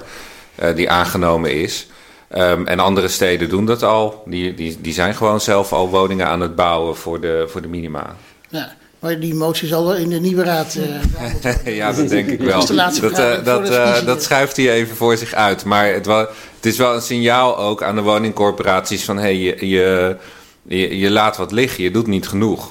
Ja. En ook een signaal naar de kiezer. Hè? Kijk, als, als de kiezer de, maar steeds diezelfde partijen blijft kiezen, die het beleid wat we het afgelopen jaar hebben gezien naar hun ontevredenheid voortzetten, dan kunnen ze ook eens denken, misschien moeten anderen de kans gunnen en geven om eens een keer een andere, op een andere manier naar te kijken. Ja, Kijk, wij zeggen ook als 50 plus jongens, de stad is vol. Ik, wij zeggen, in, een van mijn speerpunten is 300.000 huishoudens. We hebben er nu 270.000, 300. Dan stoppen we. En wat denk je de voordelen ervan? Dan weet de planning, dan kun je je OV, je kunt je zorg erop aanpassen. We staan niet meer drie uur op de, op de raamweg in de file. Het is gewoon ja. even nadenken en dan komen we eruit. Ja, nou, dat is toch weer de volgende stelling. Maar dan, Mag ik uh, toch nog een klein ding aan toe, ja, heel natuurlijk. kort. Want die oproep vind ik mooi. Want als je, als, je, als je nieuw beleid wil, moet je niet op de oude partijen stemmen die het college gevormd hebben. Of hè, jullie tijdelijk geloof ik in het college. We hebben nee, het... we hebben helemaal nooit in het college gezeten. Nee, jullie hebben niet in het college gezeten natuurlijk. Jullie hebben toen in het college gezeten. ja, Jullie zijn vier, vier jaar geleden. Ja, dat was vorige periode. Met, met, met wethouder Wijsmuller. Die, die gaat nu afzwaaien, begrijp ik. Ja, heel jammer. Ja. Um, dan is het natuurlijk voor de mensen, ook hier in Zuidwest, uh, zaak dat ze wel naar die stembus gaan. Dus ik denk dat ik namens alle vier wel die oproep ja, kan doen van ga dan ook inderdaad ja. stemmen. Ja. Want anders eh, ja, dan, dan, dan lig je weer te spartelen met je beentjes en je armpjes omhoog. Van ja, ze doen zoveel met ons, maar wat heb je zelf voorgedaan? Ik begrijp best ook dat het vertrouwen in de politiek in het algemeen. Hè, kijk naar wethouder Balster, die de ene dag. eh, ik geloof dat 24 uur. mevrouw van Arps dat zei. eh, de ene dag zegt hij dit en de andere dag eh, dan was hij omgedraaid, want hij was wethouder geworden. Eh, waar ben je met je idealen? Blijft hij uitdragen? Ehm, en, en hou die mensen daar dan in de politiek ook aan. En, maar dat begint wel met naar die stembus te gaan op 14, 15, 16 maart. Nee, daar hadden we het eerste half uur in het gesprek ook even over. Dat stemrecht is natuurlijk is een grondrecht, dus gebruik het alsjeblieft. Ja. En eigenlijk hoorde ik ook net een soort stemadvies al aan, aan de kijker. Dat wil je meer sociale huurwoningen, stem in ieder geval op sociale partijen. Ja, en als je op 50 plus stemt, stem in ieder geval op mevrouw Arp, want dat is het beste raadslid wat we hebben. Echt. Haar betogen zijn fluweel, fantastisch. Volgens mij ben je aan een coalitieakkoord aan het... eh, Dat is iets weet zo hierbij. Ja, dus, maar dan, ja, dus daar zijn het over eens, meer sociale huurwoningen. Maar ik wil toch even terug, ja, die spreiding, eh, is dat echt noodzakelijk? Want ik hoor ook aan de andere kant, dat kan je ook op andere manieren doen. Dat moet je helemaal niet willen. Nou, wat Zitten ik mensen op te wachten? belangrijk vind is op wat Geert zei. eh tuurlijk moeten er ook andere dingen gebeuren om wijken ja, omhoog te tillen. En dan denk ik met name iets wat, wat mij heeft geërgerd, maar ik denk eh, mijn buurman ook, is dat je gewoon in bepaalde wijken ook ziet dat eh, de verloedering heel erg toeslaat. En eh, bijvoorbeeld het afvalprobleem gewoon heel ernstig is, dat je in het weekend rondloopt en je ziet bankstellen en koelkasten en eh, matrassen. En ja, dus dat soort dingen die moeten ook echt heel erg aangepakt worden. Of wat dacht je van het opknappen van binnentuinen bijvoorbeeld? Hè? De ratten die daar doorheen lopen in heel veel wijken. Dat, dat is ook iets wat gewoon eh, jarenlang eh, ja, is verwaarloosd in feite. Dus het is echt, echt niet alleen maar sociale woningen in andere wijken toevoegen, maar ook gewoon inderdaad die wijken die nu problemen Ja. hebben. Eh, en niet alleen op het gebied van wonen, maar ook de buitenruimte en, en het afvalprobleem. Dus eh, dat moet zeker ook een prioriteit zijn de komende jaren. Ja, en, dus, en dat is eigenlijk een soort eh, achterstallig onderhoud voor een eh, nieuwe raad. Ja, op- op een mentaliteitskwestie. Onderhoud in gedrag van mensen. Ja, gedrag, ja zeker. En daarom hebben, dan kan ik ook één keer een keer met een aangenomen eh emotie zwaaien, want het gebeurt natuurlijk niet zo vaak.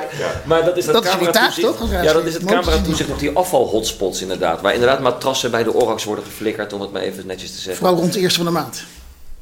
Wat zegt u? Vooral rond de eerste van de maand. Als Ja. de Ja, huur ja, weer ja. af is gelopen. En, Ja. ehm, en, en dat is wel goed dat er ook op gedrag wordt eh, eh, gelet natuurlijk. Want sociaal zijn is natuurlijk niet alleen maar dingen voor andere mensen regelen. Maar het is wel dat de mensen om wie het gaat zelf ook sociaal gedrag vertonen. Door hun rotzooi op te ruimen, door netjes met hun omgeving om te gaan.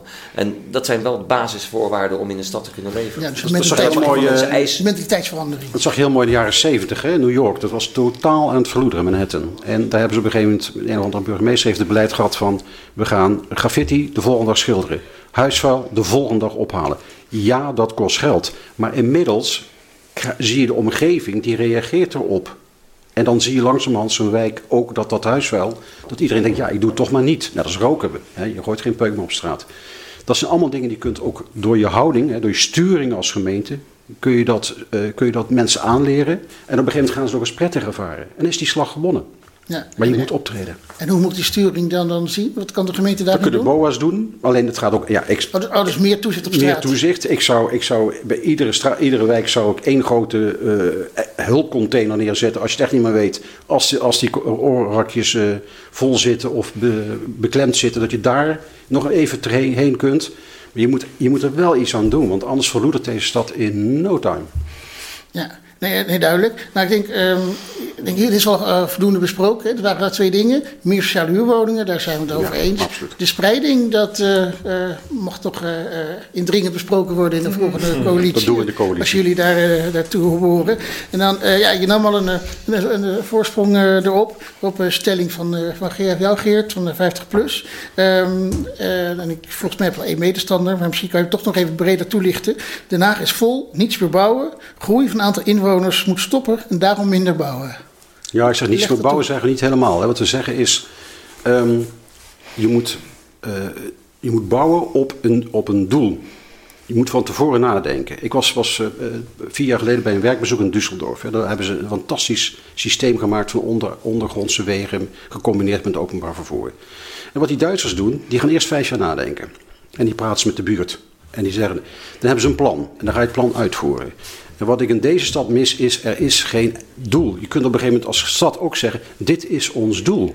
En ik denk dat we langzamerhand tegen de maximale eh, hoeveelheid bewoners met de bijbehorende problemen zijn. En stel een doel. Dus wat ik zou zeggen is, ik, ik heb genoemd een numerus fixus. Pak 300.000 huishoudens, dan zit je rond de 600.000 mensen. En dan zitten we vol. En dan ga je iets bedenken van als er eentje uitgaat, komt er eentje bij. Je kunt wisselen. Maar dan weet iedereen, ieder Hagenaar waar hij aan toe is. En dan komt ook een beetje rust in de tent. En dan kun je ook zeggen als openbaar vervoer, ik ga fijn Mazig bouwen. Want ik hoef niet meer dan 300.000 huishoudens te verzorgen. Wat denk je dat het doet? Wat denk je voor de zorg? Wat denk je voor de LER? Dat is een moeilijk woord, leefbaar effectsreportages.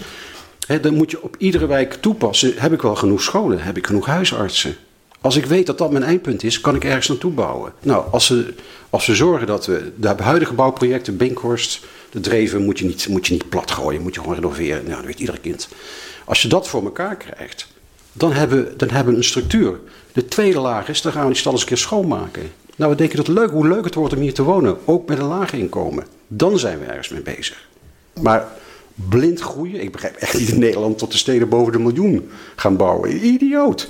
Terwijl in Drenthe, Limburg, ik ben zelf een Limburger, daar schreeuwen ze om economische activiteit. Daar zijn ruimte, daar is plek. Het is allemaal op te lossen, maar niet hier. En, Ja, ik heb wel een vraag van hoe ga je dat dan doen? Want er is geen enkel kader of middel om ervoor te zorgen dat mensen niet komen. En op het moment dat je niet bouwt, eh, dan komen mensen toch. In welk opzicht gaan ze dan met z'n zessen om elkaar Ja. wonen? Bedoel je dat dan? Ja, de, het, het feit dat er geen woningruimte dan is, komt er een vergunning. Dan komt er een vergunning dat dat niet mogelijk is. Je geen- kunt Ja, dat maar toch. dat gebeurt wel. Ja, ja, er gebeurt van alles wat ik, wat ik niet wil weten. Maar waar het om gaat is, geef je sturing. Geef dat je ik wel een heel kader. erg hoor. Dat je nee, maar luister. Nee, weten nee, wat er in de stad nee, gebeurt. maar je begrijpt wat ik bedoel. Maar wat, wat we zagen bij de kamerbewoning. Hè, drie, drie, eh, drie studenten betaalden 800 per maand. Nou, lekker. Nou, hup, hebben we een regeling op aan, aan, aangepast. Dan worden allemaal, je moet als gemeente sturen, zeker in, een- in, in de multiculturele samenleving, hè, die jullie zo graag willen, zul je strenger moeten opereren. Weet je wat, eh, weet je burgemeester meneer Joop van Fontijn? Ja, hij is net overleden. Hij zei, Ed. Fontijn, hij zei, de basis van een goede democratie is een law and order. Als we niet de regels goed bepalen, gaat het mis. En zeker met de influx van, je, 205 eh, nationaliteiten, dan moet je nog strenger worden.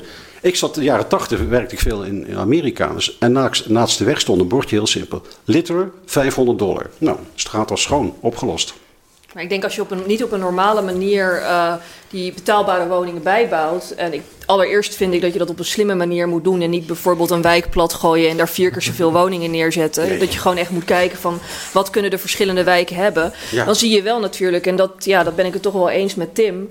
eh, dat, dat je dan bepaalde huisjesmelkers hebt die denken van nou ja, als die eh, sociale woningen niet worden gebouwd. Nou, dan ga ik lekker cashen op bijvoorbeeld eh, arbeidsmigranten. En Ja. we proppen ze allemaal in Transvaal. En er ontstaan ont- onveilige situaties. Nou, we hebben het allemaal afgelopen jaren gezien. Wat je kan krijgen dan. Maar hoe is uw oplossing dan? Wil u dan alleen maar blijven bouwen? Ik hoor, ik Ik hoor vind dat je weet je, weet je, moet handhaven weet je al die torenflats? Ik hoor, ik hoor een partij zeggen, we gaan, we gaan torenflats. Nou, als er iets duur is, zijn torenflats. Ja, nee, dat weten we allemaal. Dat is zijn heel geen, dom. dat zijn geen Dat is sociale heel dom. huurwoningen. Dat is, dat is niet te Ja, betalen. dat ben ik met je eens. Maar ik moet ook eerlijk zeggen dat dat verhaal in het programma van Groep de Mos... dat er allemaal Empire State Buildings moeten komen. Ik heb nog niet niemand gehoord in de stad die dat wil. Idioot. Ja. Dus ik denk eerlijk gezegd dat er een eh, projectontwikkelaar is gezegd of zo... van zet dat erin. Maar ik kan me niet voorstellen dat... Er stond ik weer- hoor nooit bewoners die daar zeggen van... nou ja, Nee. ik wil een Empire State Building om de Nee. hoek, eerlijk Maar gezegd. Zoals wat boven beenkosten? 70 meter bouwen is al peperduur. Dat, Ja. alleen maar, dat, zijn alleen maar voor, het is echt voor hele rijke mensen. Boven de 50 is het ook al heel duur. Ja. Ja. Dus alleen tot aan 50 meter Is bouwen toch een beetje te beheersen? is het misschien nog een beetje inderdaad te, te, te beheersen. En dan kan je Kijk, en zo'n minder mensen toelaten in de stad. Wat we ook niet moeten vergeten is, is, eh, dat is ik schrok er zelfs van. Eh 270.000 huishoudens op dit moment, 130.000 single huishoudens. Hallo. Er zijn rapporten eh, en onderzoeken waarin gezegd wordt van een, een één mens heeft met 70 vierkante meter zijn we, heeft hij een prettig leven. De Binkhorst wordt nu gebouwd. Ik heb al eh, twee jaar geleden in de raad gezegd, jongens, ga units bouwen van kleinere maatvoering. Het zijn niet allemaal families die naar de Binkhorst gaan. Dat zijn jonge mensen met één kind en ouderen. Ik heb ook gezegd, propageer, maak er een, een senioren, niet een seniorenstad met, allemaal rollators, maar de plus 50 stad. En, en het zijn vaak, ga, ga je concentreren op die eenpersoons huishoudens. Daar is behoefte aan. En je zou van de Binkhorst zou je fantastische singletown kunnen bouwen. Wat is hier? Nou, neem maar luister, met uitgaan, met dingen. Je, weet allemaal, je bent allemaal alleen.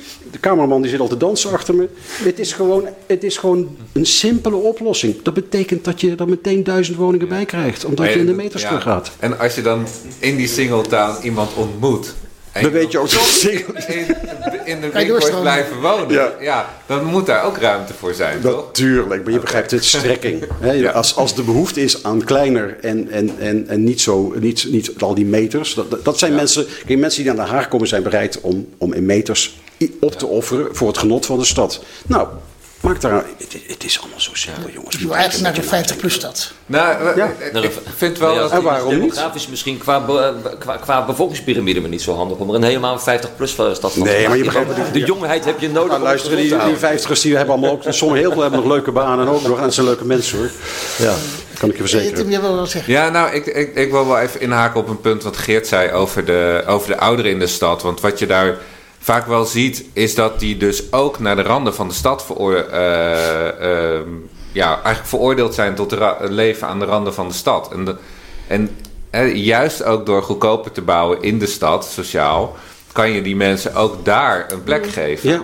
En eh, wat je nu bijvoorbeeld eh, ziet, is dat eh, ja, die mensen komen niet meer naar het centrum, omdat het gewoon te ver weg is. Ja. En op het moment dat je dus sociaal in de stad bouwt, eh, kan je als 70-plusser gewoon nog naar het theater, Ja. omdat het op loopafstand is. En ik kijk, als, jullie zijn nu hier in de, deze wijk heet te geven, eh, even, Dreven. Dreven, Dreven. Als ik hier 70 ben en ik wil naar de stad, dan ben ik nou met openbaar vervoer ben ik een half uur bezig. Dan doe je het al niet meer. Maar stel ik woon in de Binkhorst en ik ben een 10 minuten bij Centraal, dan neem ik nog het initiatief om te gaan. En laat die families juist met kinderen, laat die meer aan de buitenkant zitten. Zitten ze ook meteen veiliger, et cetera, et cetera. Het is geen rocket science hoor, maar, we moeten het wel doen. ja, maar als het gaat om, uh, om ouderenhuisvesting, dan denk ik dat waar we het meest in gefaald hebben de afgelopen tijd, is dat er geen kleinschalige woonvormen zijn, zoals bijvoorbeeld vroeger het verzorgingshuis had, maar dan op een wat menselijkere, kleine, kleinschaligere manier. Uh, dat is heel weinig erbij gebouwd de afgelopen tijd. En dan heb je een wethouder wonen die nu zegt van, oh nu hier in de wijk wonen allemaal oude mensen die uh, een hele grote woning bezet houden. En dat, ja, dat is eigenlijk niet eerlijk. Maar dan denk ik van, ja, waar kunnen die mensen dan heen? Je moet wel een betaalbaar alternatief Precies, hebben. ja. En ik ken allemaal clubs zoals groepswonen door ouderen die echt al heel lang aan de bel trekken van wij willen dat soort woonvormen in Eskamp. Volgens mij in Loosduin is er ook heel veel behoefte aan. En het gebeurt gewoon niet, omdat je twee wethouders hebt, een wethouder wonen en een wethouder zorg. En die werken een beetje langs elkaar heen. Dus dat is echt iets wat de komende vier jaar echt op poten gezet moet worden. Misschien kunnen we samen de verzorgingshuizen weer in een mooie vorm terug uh, Ja, in een mooie vorm, eh, niet met de lange ja. hallen en Ja, de... ja, een handtekening heb je al. Ja, toch? Ik denk dat we daar met z'n vieren snel over eens zijn. Maar ik mis wel één ding nog. eh, op Ik hoorde net het eh, begrip, eh, en ook hier gaat het over mensen, maar het begrip heet arbeidsmigranten. Eh, misschien is het ook een heel fijn punt om met z'n allen te kunnen kijken naar een manier om de mensen die in het Westland werken als arbeidsmigrant, maar die opgehokt, en dat vind ik men- menswaardig heel slecht, opgehokt leven, bijvoorbeeld in het laakkwartier. 40, Eh, 40, ze worden met 40 busjes opgehaald en smiddags weer gedumpt of s'avonds. Uh, laten we eens gaan kijken of we de bedrijven die arbeidsmigranten in het Westland in dienst hebben, dat we die een gemeentelijke heffing vanuit Den Haag kunnen gaan opleggen. Ik weet niet, moet nog uitzoeken hoe dat wettelijk nationaal zit. Maar dan gaan we, laten we gaan kijken uh, naar een manier waarop we zeggen: de mensen die in het Westland werken als arbeidsmigrant, die wonen ook in het Westland. Alleen de Westlandse ondernemers, die fantastische tomaten maken en dergelijke, die ik ook graag eet, tuurlijk, uh, die willen liever ruimte voor hun drie Mercedes'en op een, uh, op een erf naast, uh, naast ja. de kas. En die willen die arbeidsmigranten niet, niet huisvesten. Maar die laten Den Haag daarmee zitten. En dat houdt zoveel woningen bezet. En ik denk als we dat probleem op weten te lossen en zeggen: al die arbeidsmigranten die werken in het Westland, die gaan er ook wonen. Dan krijgen we duizenden woningen krijgen we vrij in Den Haag. En ook dat geeft ook weer een drukkend effect bijvoorbeeld Ik- op de prijsontwikkeling van de huizen. Wij zouden verder als 50PLUS willen gaan en zeggen van, eh, van als jij iemand eh, aanneemt in het Westland, dan zorg je ook als bedrijf voor de, voor de huisvesting al Juist. daar. En Daar. ook als het als het Helemaal contract beëindigt, dat je niet de volgende dag die mensen terugstuurt naar weet ik waarheen. Maar dat ze nog een tijd krijgen, drie, vier maanden. We zien nu dat mensen hier een contract krijgen, de baas niet tevreden. Het contract wordt afgesloten en de volgende dag gooien ze maar weer de matras bij het grofvel. Maar dat scheelt ook heel veel vervoersbeweging. Ja. En daarmee ook CO2-uitstoot, als we het daar bijvoorbeeld over zouden hebben. Ja, Ja. Maar ik, Maar je vind dan wel, hè, als ik nog een linkje mag maken naar, naar het vorige onderwerp, hè, wordt, wordt gevraagd: mensen moeten zich eh, eh, gedragen in de stad, afval op de goede manier weg, eh, wegbrengen. Maar hè, je, waar je het nu over hebt, is uitbuiting. Eh, hè, mensen worden uitgebuit en daar hè, Ik je kan niet verwachten dat die mensen zich aan de regels houden op het moment dat eh, wij ze als ou- oud vuil behandelen. Ik ben het helemaal met u eens. Als ik, ik moet zo lachen. Hè. Dan hebben ze het over bijeen over, over de kolonietijd. Dan weet ik het allemaal. Het is hier in het Westland. Die mensen Ja. worden hier naartoe gehaald. Met, worden gewoon, het zijn slaven. Moderne slavernij. Kom op jongens, niet doen. Dus als je als bedrijf ze wil hebben, zorg je ook voor de huisvesting. En je zorgt er net de afvloeingsregelen. Prima, dan mag je ze van mij aannemen. En dan niet in Den Haag, want hier hebben ze niks te zoeken. Hoe kan je mensen verplichten om ergens te wonen? Omdat je, je bent er, het is toch, de mensen maken toch de wetten? Het is we the people, Ja, dat zeggen ze in de Amerikaanse grondwet.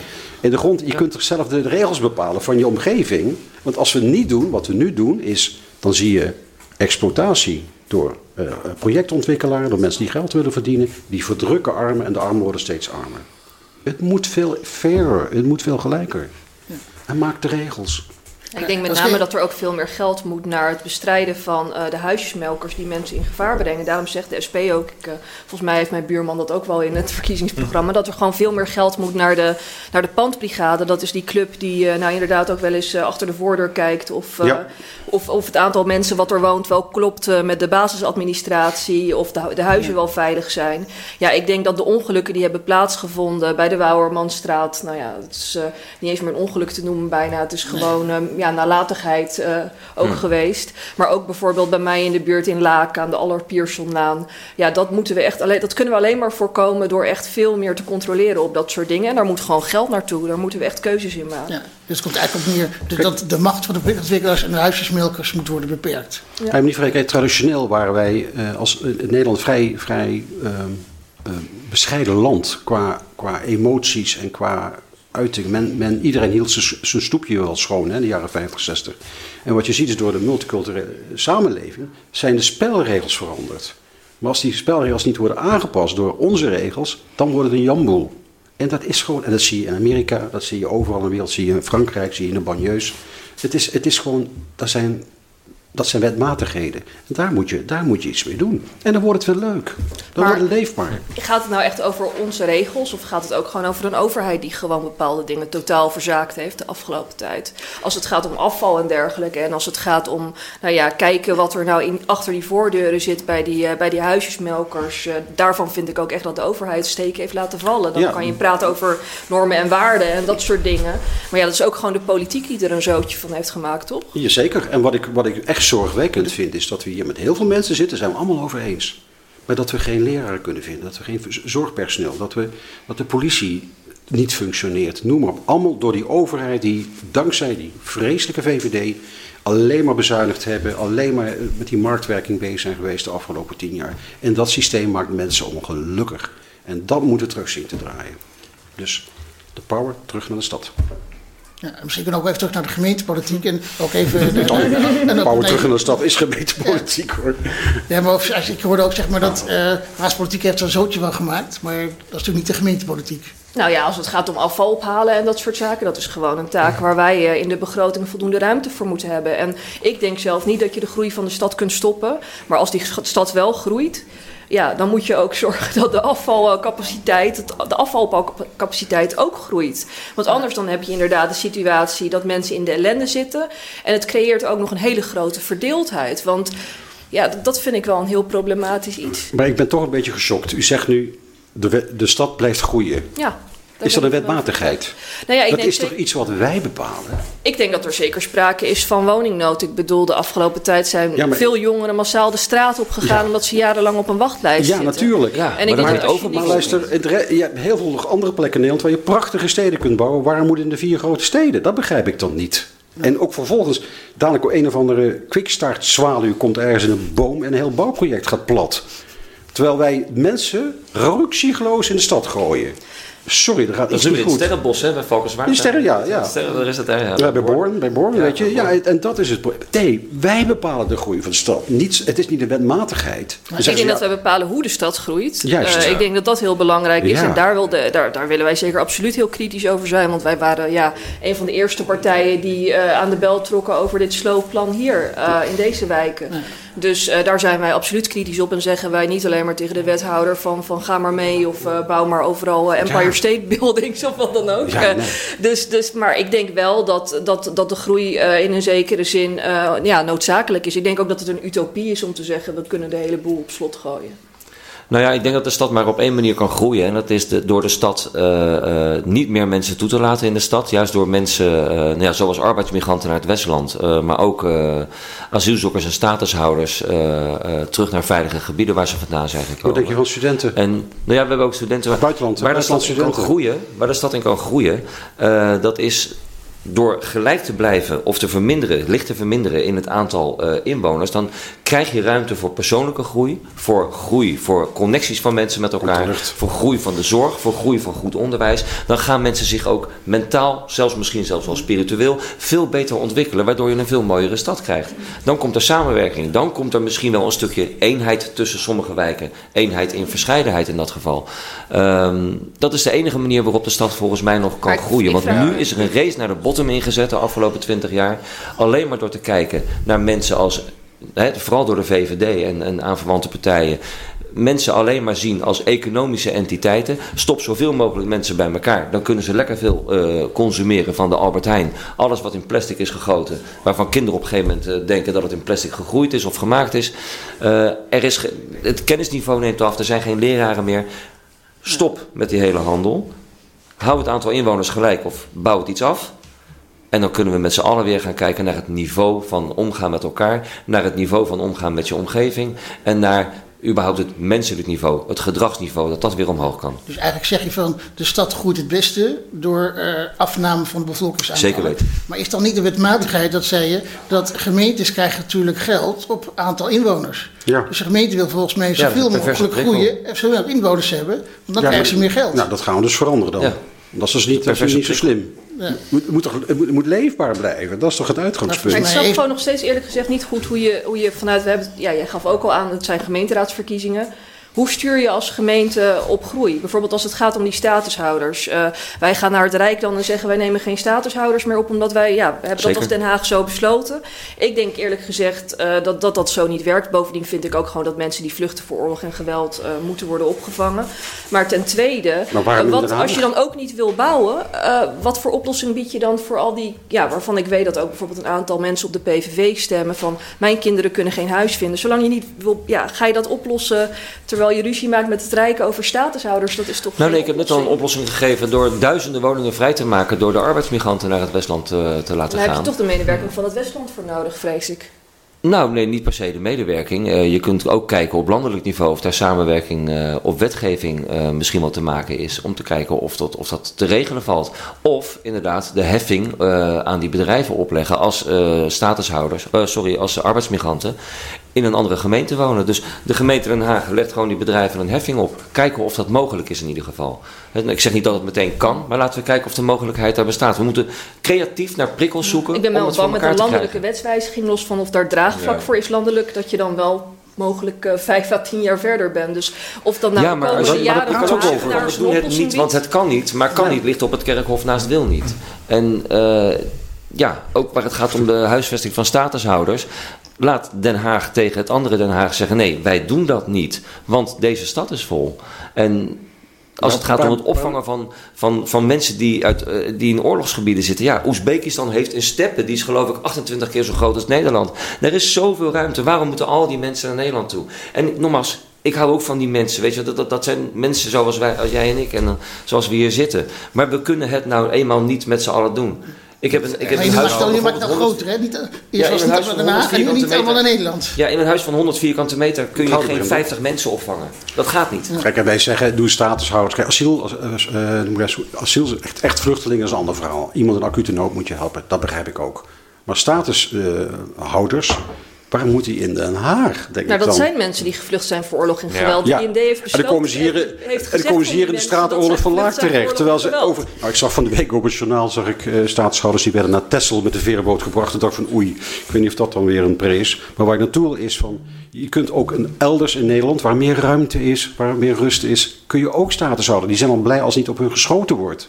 En waarom doe je ze in het duurste stuk in Nederland? Ik begrijp het niet. Ja, maar ja, dat is denk ik iets waar de geen raad niet. Ik bedoel, het. Toch even terug naar de stelling. Want eh, bij je toelichting, hè, Den Haag is vol, niet meer bouwen. hoorde ik, hoorde ik volgens mij toch een nuancering. Want op zich, volgens mij, als ik het goed hoorde, ben je niet tegen bouwen. Maar moeten we is- doelbewuster meer in doelgroepen bouwen? Nou, ik, ik zeg... Dus er mag wel meer gebouwd worden De, van de de begaande starters. bouwprojecten die uitstaan, eh, laat, die, laat, laat die ontwikkelen. Maar plan niet over de, over de 600.000 inwoners. Dat halen Ja. we niet, dat kunnen we niet. Ik, ik begrijp het nog steeds niet hoe je dat wil regelen. Want volgens mij heb je dan een overheid die tegen iemand gaat zeggen van... nee, jij mag niet in Den Haag Ja. wonen, jij moet in Zoetermeer. Nee, maar als je... Ja, ja, maar jongens, wat moeten we dan? Iedereen maar laten komen. Hier een miljoen mensen. En Nou, volgens die elkaar- mij is het recht op vrije vestiging eh, in Nederland een heel groot goed. Dat is ontzettend groot Ja, goed. er moet En dan wel ruimte zijn. En er moet wel ruimte zijn. Nou, dat moet wel dan zeg je kunnen. toch dat dat niet geldt. Nee, wat ik zeg is, ik wil zorgen dat de stad op dit moment niet gewoon maar doorgroeit. Alleen dat we gelijkmatig groeien. Dat we veel duurzamer gaan bouwen. Dat we in een rustig tempo terechtkomen. En dat we rustig bijsturen. Zodat we met... We hebben, nou, eh Giel zei het al. We hebben, eh, in, in een paar jaar hebben er 60.000 bij. Ja, ja, 60.000 inwoners. Prognose is, in 2030 zit op 600.000. Nou, dat wordt gezellig in de tram. Dit kan niet. Het is niet omdat ik niet wil, het is niet omdat ik het mensen niet gun, maar ik wil de stad leefbaar houden.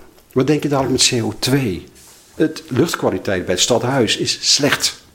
Gewoon puur slecht. En dan ga jij zeggen, jullie zeggen, kom maar, kom maar, kom Volgens maar. mij hangt die en wie gaat het luchtkwaliteit niet betalen? direct van het aantal inwoners af. Maar Nou, Maar ik, wat ik, eh, kijk, kijk Geert, eh, Geert zegt eigenlijk van men, partijen, dat is altijd een beetje cliché, partijen zeggen kom maar, kom maar, kom maar. Maar ik denk juist dat partijen op links eh, de afgelopen tijd ook ja, voorstellen hebben gedaan die ook echt zoden aan de dijk zetten. Dus bijvoorbeeld als het gaat om het economisch beleid van de regio, heeft de SP gezegd van wij moeten als gemeente ervoor zorgen dat we niet bijvoorbeeld allerlei distributiecentra in de buurt gaan vestigen. Want je weet gewoon dat al die industrieën die draaien 100% op goedkope arbeid. En dan weet je dat dat soort, eh, ja, dat, dat het ook weer extra mensen hier bijvoorbeeld eh, met zich meebrengt. Die in inderdaad die eh, huisjesmelkerswoningen gaan zitten. dus u maar dat maakt zijn, ook een keuze. dat zijn voorstellen die ook echt werkelijk wat opleveren de komende ja tijd. maar u maakt ook een keuze in uw beleid. Ja. Nou, dat is het enige wat ik zeg. Maak een keuze in je beleid. Nou, Ja, zeker. En zorg dat die stad niet overhit raakt. Zorg dat het tempo wat een beetje rustiger wordt.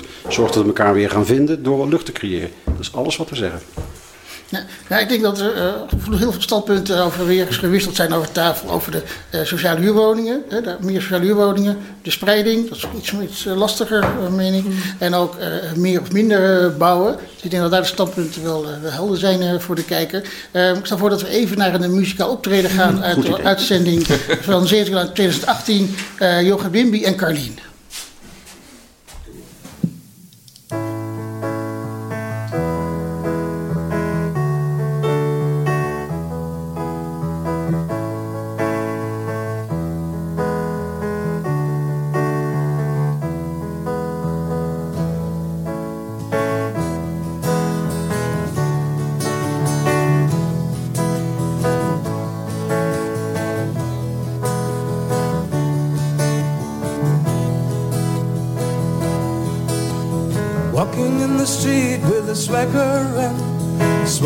Afterglow of a one night stand. Cynthia feels the cool of the morning air as the breeze slightly ruffles her unkempt hair. She smiles at a drifter who is barely awake, stumbling along in search of where he left his bag. Before alcohol shrouded his memories, in the mist of regrets and self-pity. Cynthia crossed the road. Now she's trying to stay afloat. Cynthia run, Cynthia walk, Cynthia swim while Cynthia talk.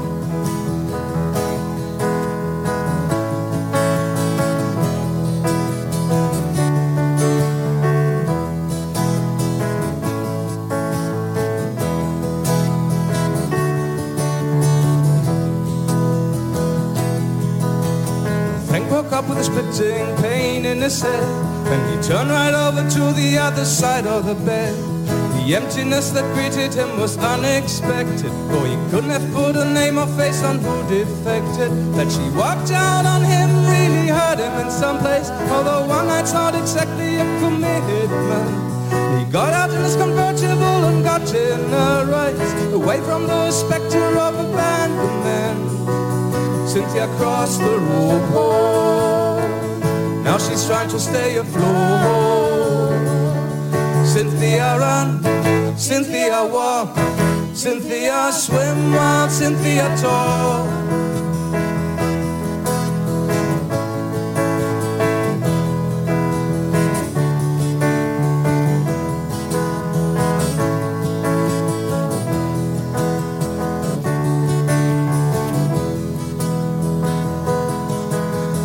Cynthia had sat down at the end of a pier to watch the sunrise at the edge of the sea. And she heard a low rumble of a car in the road. Got up to see that it was Frank who drove. He saw her from afar and he went straight to meet her. So meant to for all eternity. For some people who want to have whatever they desire, live with other people's liberty. Cynthia crossed the road. Now she's trying to stay afloat. Cynthia run, Cynthia walk, Cynthia swim while Cynthia talk. Cynthia crossed the road. Now she's trying to stay afloat. Cynthia run, Cynthia walk, Cynthia swim while Cynthia talk. Cynthia crossed the road. Now she's trying to stay afloat. Cynthia run, Cynthia walk, Cynthia swim while Cynthia talk.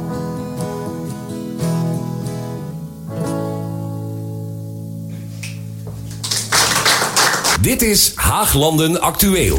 Een greep uit de actuele zaken in de regio. En eh, voordat we naar onze volgende stelling gaan, eh, gaan we even de, de debat onderbreken van onze wekelijkse column. En die wordt deze week gelezen door Ingrid Gimorijn. Echt iets voor jou. Een column over de verkiezingen. Ik hoor het u zeggen. Eerlijk? Ik vind het helemaal niets. Ik vind het helemaal niets. Die Haagse Raad. Blij dat ze bijna weg zijn. Een gemankeerde club. Vrijwel één grote zwarte bladzijde. Ik weet niet eens waar ik moet beginnen. Willy Dille, stoere PVV-vrouw, is ons op verdrietige wijze ontvallen. De laatste keer dat ik haar in het IJspaleis zag. Die stralende lach toen ze me vroeg wanneer ik weer mee kwam doen. Krikken aan incompetentie ten onder gegaan. De vrouw die niets had met alle bijzondere taken die de job van burgemeester eervol maakt. Of het moet die fontein zijn die ze wilde openen aan het lange voorhout. Vurig was haar nalatenschap. Scheveningen smult bij wijze van spreken nog na. Twee wethouders onderuit gegaan. Op krikken of op eigen blinde ambitie? Ik weet niet wat ik ervan moet vinden. Ik ben in ieder geval in goed gezelschap, want het OM is er na 2,5 jaar ook nog steeds niet uit. Wat mij betreft zijn ze in ieder geval genaaid. Door de coalitie die ze zelf in elkaar hebben getimmerd. Nee, ik bedoel niet dat ze op de vuist zijn gegaan. Dat zou nog eens vernieuwende politiek zijn. Als je je gelijk niet haalt op argumenten, sla je gewoon iemand boven op zijn bek. Komt dat straatvechter zijn ook, toch ook nog eens van pas. Nee, Gernaui en de Mos zijn weggewerkt in opdracht van een mannetjesmaker. Die niet veel later er vrijwillig voor koos zichzelf het bos in te sturen. En dan eerst nog die ik kan niet wachten wegwerkmotie. Ingediend door GroenLinks. Lafhartig gesteund door de voltallige restanten van het college. Beter goed gejat dan slecht verzonnen. En later beloond worden met een wethouderspost voor een half jaar. Het AD kopte: Ik ga mezelf niet verloochenen. Nee, je kunt niet aan de gang blijven. Voor de gelegenheid heeft hij een net jasje aangetrokken en een gloednieuw t-shirt, lachte Arjen Kapteins. Hij kwam nadat Bert van Alphen onderuit ging op de Energieacademie. Knopen geteld en conclusies getrokken. Hij weet echt wat het is: jezelf niet verloochenen. All he got was his lousy t-shirt. VVD, D66 en GroenLinks moesten nadat Groep de Mos hard voor Den Haag was vertrokken op zoek naar nieuwe bondgenoten. Je hartverliezen kreeg een nieuwe invulling. Binnen twee maanden traden PvdA en CDA aan. Er bleek helemaal niets, niets nieuws aan dit college. D66, VVD, CDA en PvdA deelden immers al jaren met elkaar de lakens uit. Ik zou bijna zeggen, ik weet niet beter. Er was nog even een korte vrijage tussen 2014 en 2018 met de Haagse Stadspartij. Joris, die een hele grote jongen werd doordat Den Haag op hem stemde, omdat hij tegen het spuiforum was. Hij trok niet eens een jasje aan. Misschien ook niet eens een nieuw t-shirt. In ieder geval trok hij geen nieuwe staf aan, maar nam het oude team van Noorder over. En zette vervolgens de rest van zijn geloofwaardigheid op het spel door het spuiforum verder te ontwikkelen. De stad kreeg niet eens een lousy t-shirt. En toeval bestaat niet. De HSP-leus van 2014, waarmee Joris won en wethouder werd, was Hart voor Den Haag. Afgelopen januari 2022 is er een motie van de HSP aangenomen om meer ruimte aan de nachtcultuur te geven. De motie vroeg het college om een onderzoek te doen naar geschikte plekken om Den Haag een bruisender nachtleven te geven. Weet waar je je aan brandt, burgemeester. Maar goed, na het vertrek van de Mos Co kwamen Brede Meijer en Balster. GroenLinks was verzekerd van een plekje aan de bestuurstafel. Immers, er was die ik kan niet wachten motie. En Liesbeth vond het al lang best. Zij besteedde haar energie vooral aan het zoeken naar een functie elders. Een fors betaalde bijbaan zelfs. Bij Energiebeheer Nederland. Ieder beetje geïnformeerde Hagenees kan je vertellen dat werken voor een gasboer niet combineert met een baan die hen voorschrijft dat ze van dat gas af moeten. Maar Van Tongeren had een toets nodig om na te laten gaan of de twee functies wellicht toch verenigbaar waren. Ik vermoed dat zij en Krikke het uitstekend met elkaar hebben kunnen vinden. Domheid schept een band. Ga in godsnaam stemmen. Stem ze weg. Het hele zootje. En ik heb een advies. U bent in goed gezelschap. Zeven van de tien kiezers weten het ook nog niet. Om die reden heeft Den Haag Centraal een speciale editie uitgebracht. Wegwijs in het IJspaleis, kieswijzer voor de zwevende Haagse kiezer. Het blad heeft niet gekeken wat partijen in de campagne beloven, maar hoe ze de afgelopen vier jaar hebben gestemd. Bij elk van de 25 stellingen, onderwerpen waar dus echt over is gestemd, staat een korte stemverklaring van elke partij. Ik word daar in ieder geval helemaal blij van.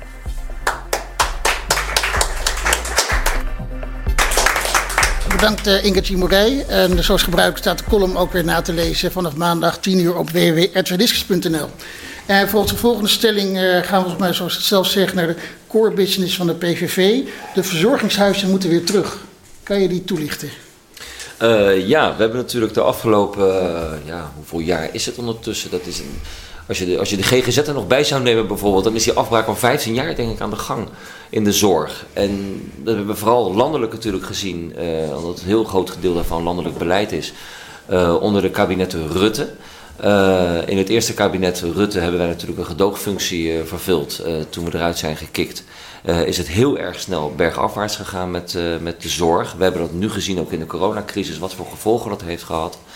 Maar als we dat terugbrengen naar de verzorgingshuizen. We hebben het net al even aan de tafel in de discussie daarover hebben we het, hebben we het al besproken. Er is voor ouderen die alleen soms in een groot pand wonen en soms niet eens meer boven kunnen komen. Of zoals ik zie met mijn, eigen moeder en vader die een traplift nodig hebben om nog naar de slaapkamer te kunnen. Er is geen vooruitzicht om naar een plek te gaan waar je met mensen uit je eigen cultuur of uit je eigen omgeving samen een waardig uh, laatste deel van je leven kunt beleven. En daarom vinden we als PVV dat, uh, dat we heel erg hard ons best moeten doen om die plekken weer te creëren in de stad. En uh, de mensen weer een plek terug te geven waar, waar ze inderdaad die laatste fase op een waardige wijze met elkaar en met voldoende zorg afgestemd op de, op de behoeften van de mensen kunnen beleven. Ja. Nou ja, het klinkt een beetje als het wegstoppen van de ouderen. Zo van, uh, stop maar weg in die huizen en hebben er geen last van. Nou, ik denk dat ik in mijn uh, uh, niet vooraf gescripte toelichting, want dat doe ik puur vanuit mijn hart, duidelijk heb aangegeven dat het daar niet om draait. Um, ik ben heel blij dat, dat, dat ik dat ik het persoonlijk betrek, dat mijn ouders nog samen uh, uh, zijn en dat ze nog samen met een aantal aanpassingen waar wij samen met de kinderen verzorgen, uh, gelukkig kunnen zorgen ook.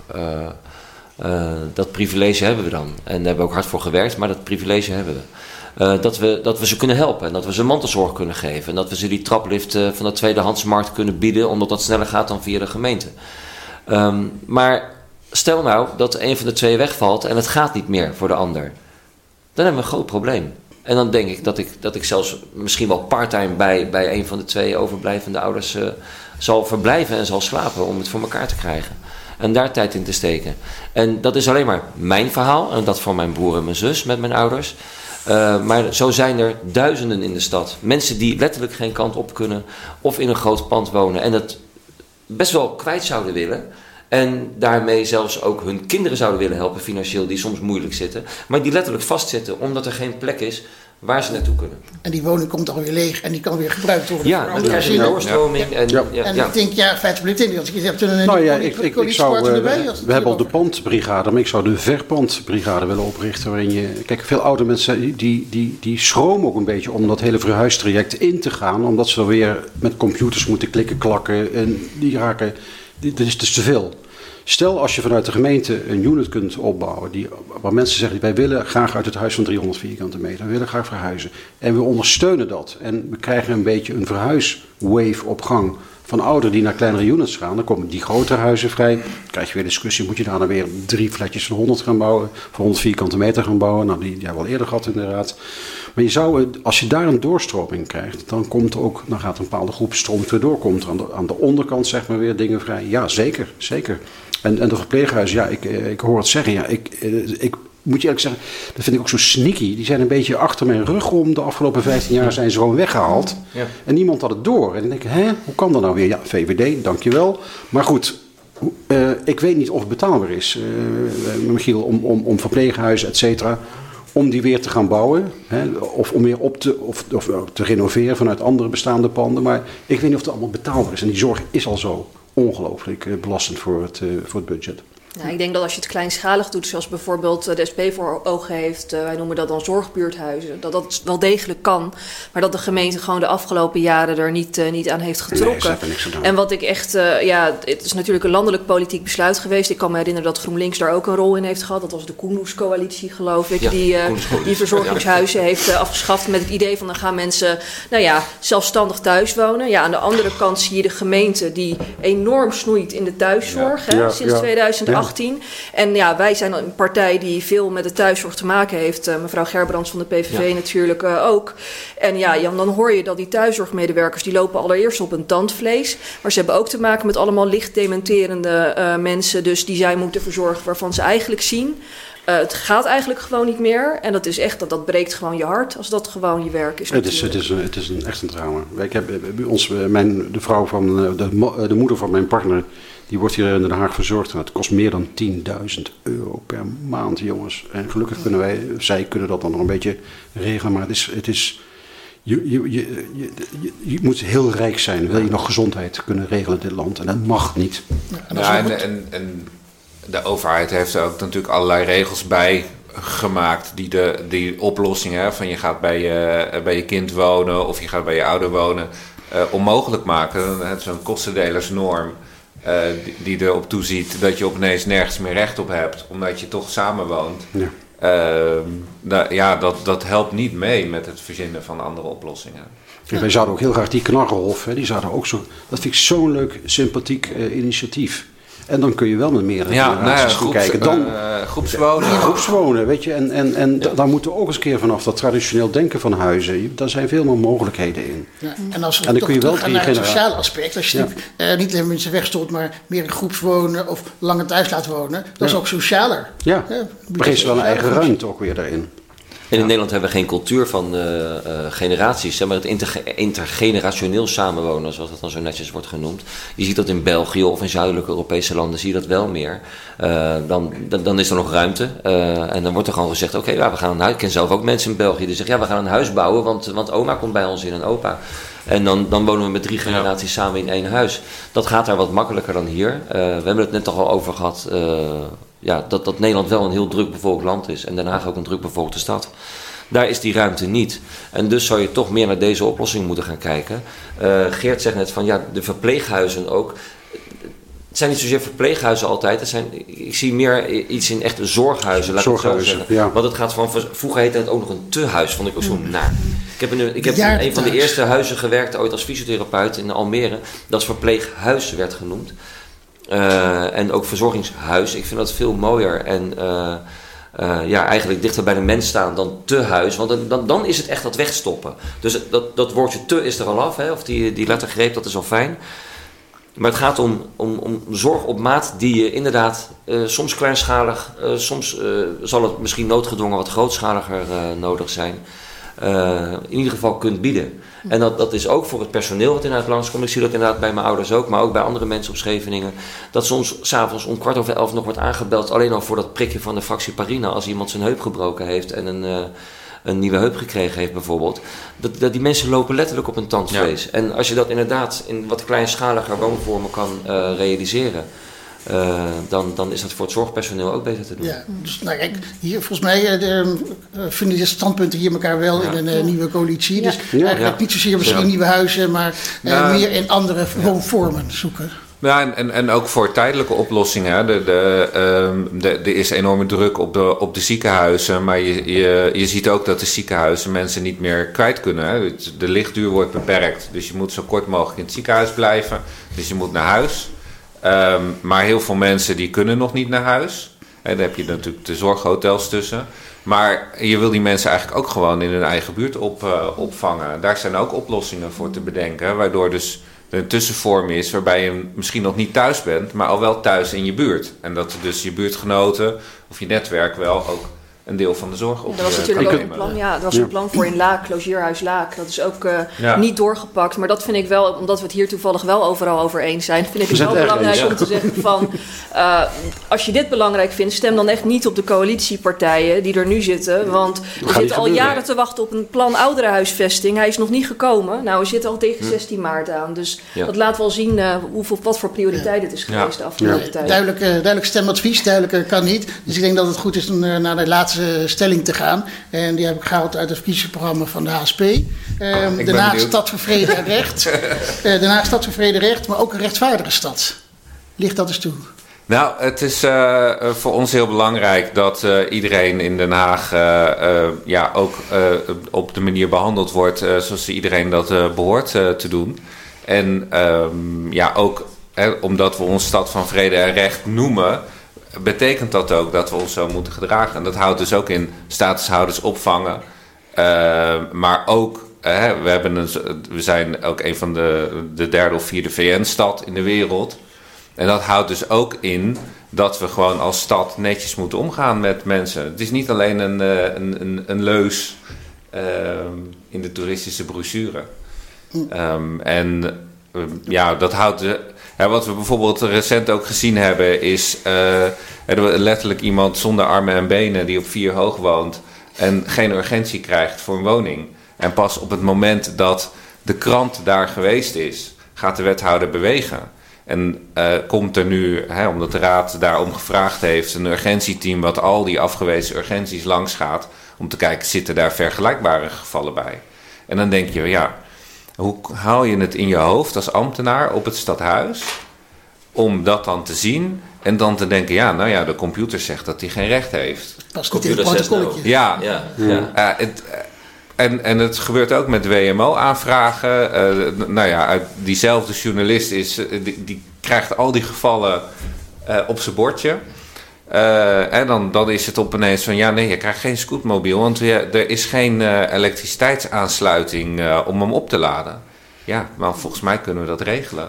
Ja. Heeft het dan ook te maken misschien met eh, een soort gedragsverandering waar we het eerder over hoorden? Dus een soort mentaliteitsverandering, meer die menselijke maat? Meer kijken naar de mens dat de is inwoner? sowieso Ja, zeker, ja. zeker. En hè, eh, om even terug te komen op die woningurgenties. We hebben een VVD-wethouder gehad die zei... eh, het moet allemaal wat strakker. Eh, we gaan het allemaal digitaal doen. Nou, heel veel mensen die eh, die urgentie moeten ge- aanvragen... die zijn helemaal niet digitaal eh, onderlegd. En die hebben gewoon dat menselijke contact nodig. En die hebben gewoon iemand nodig die doorvraagt.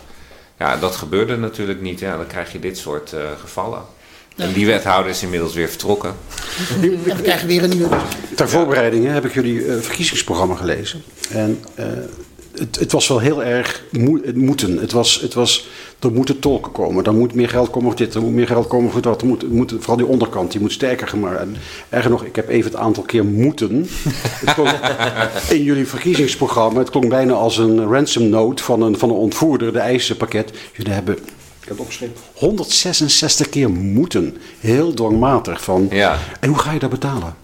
Dat is een hele goeie. Daar, eh, da- daar moeten we zeker naar kijken. Ehm, maar daar, daar zitten ook dingen in van. eh, hè, wij vinden bijvoorbeeld het, helemaal- eh, het niet heel erg overtuigend om de goedkoopste stad van Nederland te willen zijn. Ik ben veel liever eh, de stad die het beste voor zijn inwoners zorgt.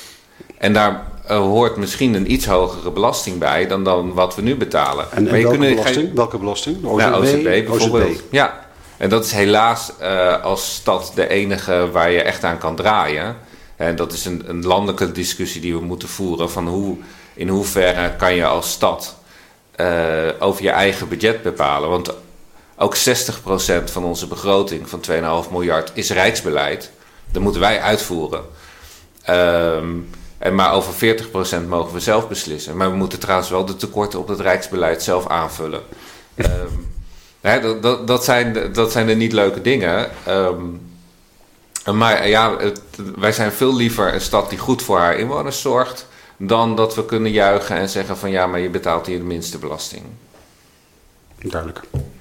Ja, want je hebt ook natuurlijk geld nodig hè, voor al die dingen. En je kunt Ja. eigenlijk los afzien dat je niet meer als gemeente geld krijgt op aantal inwoners. Hè, want we willen niet meer groeien. Nee, het is een Maar- hele ingewikkelde Excel eh, waar, op basis van waar je geld geld, krijgt. krijgt. Het gaat ook over hoeveel vierkante meter oppervlaktewater je hebt. En, Ja. En Mensen vergeten het wel eens, meneer de Boer raakt al aan. Het budget van deze stad is 2,5, 2,8 miljard. Hè. Dit is een multinational. Een multinational. En daar moeten we goed Tien jaar op, tijd. eh, daar moeten we echt goed eh, voor zorgen. Maar ja, wat de tien, tijd, tien jaar tien tijd jaar omhoog, is hè? volgens mij een miljard omhoog bijna. Of het is eh, 0,8. Nou, landelijk schrik je helemaal, als je landelijk. Ja. Ik weet in 2006 was het nog 150 miljard en nu zit het al op 300. Ik denk, joh. Maar je zegt, Den Haag is een multinational. Maar moet hij dan ook als multinational bestuurd worden? Nee, maar je moet wel je, moet je geld goed verdelen. Je moet je geld goed inzetten. Het is niet, het is, het is niet penis waar we over praten. En, en alle beslissingen tellen.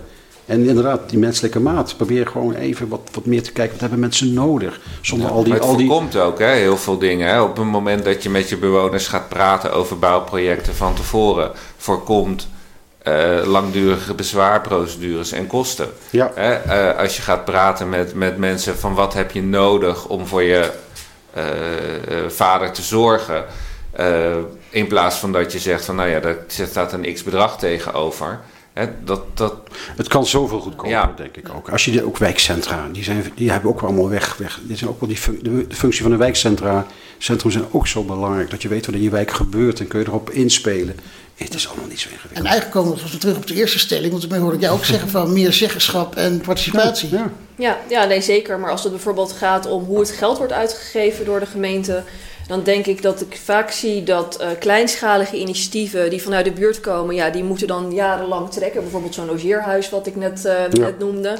En het geld gaat met name naar eh, nou ja, grootschalige projecten die eh, vooral gestoeld zijn op de ijdelheid van wethouders. Bijvoorbeeld die Energieacademie. Amare, Amare. Vind ik een supermooi initiatief. Hè? Dat- Ik bedoel, het Ja. idee erachter. Energieacademie. Mensen die moeilijk eh, op school eh, nou ja, bij de les kunnen blijven. Op die manier aan het werk helpen. Dat vind ik echt, nou ja, als, als, als SP'er vind ik dat een heel nobel initiatief. Maar dat dat dan weer een miljoenenplan moet zijn met Mark Rutte. Die daar eh, met een champagneglas bij wijze Ja. van spreken Ja. komt eh, op de foto. Dat vind ik dan weer zo... Dus investeringen, dat- beslissingen worden verkeerd genomen. Ja, ja. En Ja, ook- het die prestigeprojecten. eh, van de Energieacademie ook. Dat rapport, ik geloof dat Berenschot geweest is. Er zitten dan, het was net langs het randje van, van welke vriend kun je als wethouder wel inschakelen Ja. en welke niet. En welke belangen lopen daar achterlangs. Dan denk ik, ja, dat is allemaal, ja, die ijdelheid en de vriendjespolitiek. nou ja, je, je het, is allemaal, het ja. allemaal geld verbranden. En het is jammer ook dat het met, strand eh, is. Met, met andere dingen. Hè. We hebben D66-wethouder Saskia Branes. Ehm, ja, die, die reist de hele wereld over voor, vanuit economie. En we zitten op allerlei initiatieven over Smart City. En er gaan miljoenen uit eh, om dat soort bedrijven hier naartoe te halen. Terwijl je ook kan afvragen van ja, hebben we dat echt nodig? Ja. Precies, en hoe smarter de city, digitaal gezien, zeg maar, hoe, hoe, hoe erger de mens eigenlijk in het gedrang komt. Hè? Want eh, een smart city betekent een grotere overheid, een nog grotere overheid. En je weet overal waar de overheid groeit, daar komt de mens in de verdrukking. Omdat, zoals Leslie ook zegt, vaak het geld verkeerd besteed wordt. En dan komt het inderdaad niet op die menselijke plek terecht. En dan denk ik dat, in dat om terug te komen bij vrede en recht. Ja, waar, waar is dan nog het recht van de mens op een menswaardig bestaan? Het is een hoop marketing, vrede en Ja. recht. Want als Ja. je bijvoorbeeld kijkt inderdaad de portefeuille van mevrouw, mevrouw Bruines van Economie. eh, dat gaat heel veel naar lobbyclubs. Hè? Naar Ja. eh, inderdaad eh, justice clusters en die Hague Security Delta. Nou, alle Engelse namen die vliegen je dan om de oren. Maar als je dan kijkt, tuurlijk moet er geld naar de economie. Maar dan zegt de SP bijvoorbeeld liever naar kleinschalige bedrijfshuisvesting in de buurt. Zodat Hm. jij als MKB'er gewoon eh, voor een schappelijke prijs een, eh, nou ja, een onderneming kan beginnen. Daar is een groot tekort aan. En dan heb je tenminste echt letterlijk resultaat in plaats van dat geld wat een beetje ja, boven de markt zweeft, zeg maar, waarvan wij nooit echt duidelijk zien wat er voor terug is gekomen. Ja. Nee, duidelijk. En we hebben nog een kleine drie minuten, dus ik wil eigenlijk afsluiten. eh, dat je even kort eh, in een aantal woorden kan zeggen, maar jullie kunnen volgens mij heel erg kort zijn, dus sommigen kunnen zeggen heel goed luisteren. Eh, waarom, de columnist vroeg vroeg eigenlijk ook al, waarom moeten, moeten kijkers gaan stemmen 14, 15, 16 maart? Eh, het. Ik mag gewoon, ik mag beginnen. Oké. Ehm, ja, 50 plus is, is gewoon een, een, eh, een club voor de wat oudere mensen. En ik probeer het eh, leven voor de ouderen leuker te maken. En we, ik probeer ook dat we voor de ouderen beleid kunnen maken wat mensen begrijpen. En ook in de taal die de ouderen begrijpen. En de ouderen voelen zich soms een beetje verwaarloosd. En ze denken, we horen niet meer bij. Maar ik zorg ervoor dat je weer erbij hoort. En ik zorg dat je het weer leuk gaat vinden in Den Haag. Duidelijk. Leslie, waarom moeten mensen willen kijken gaan stemmen? Ja, ik denk dat het heel belangrijk is om te beseffen dat eh, deze gemeenteraadsverkiezingen over hele fundamentele dingen gaan. Zoals bijvoorbeeld hoe vaak je wijk schoongemaakt wordt, hoeveel thuiszorg je vader of moeder krijgt, maar ook of je bijvoorbeeld mee kan praten over de sloop. eh, ja, eh, of, of renovatie van je huis. En, en dat zijn echt zaken die voor de SP enorm belangrijk zijn de komende tijd. En daar gaan wij voor vechten. Duidelijk. Tim, waarom moeten de kijker gaan stemmen? Nou, volgens mij is het heel belangrijk eh, voor iedereen om te gaan stemmen. En ik wil even, eh, Geert deed net de oproep aan de ouderen. Ik wil graag een oproep doen aan, eh, aan alle jongeren om ook te gaan stemmen. Want ook jullie belangen zijn belangrijk. En ehm, ja, als je niet gaat stemmen, het is ook van ja, dan komt er iemand anders voor jou beslissen. Dus ga, hè, en je mag zelfs drie dagen stemmen dit keer. Ja, Dus maar maar één het excuus dat het even niet uitkomt, is, eh, is niet meer geldig. Dus ga. Duidelijk. En eh, als laatste, Margiel, waarom moet de kijker gaan stemmen? Ja, ons verkiezingsprogramma heet eh, letterlijk Den Haag is vol.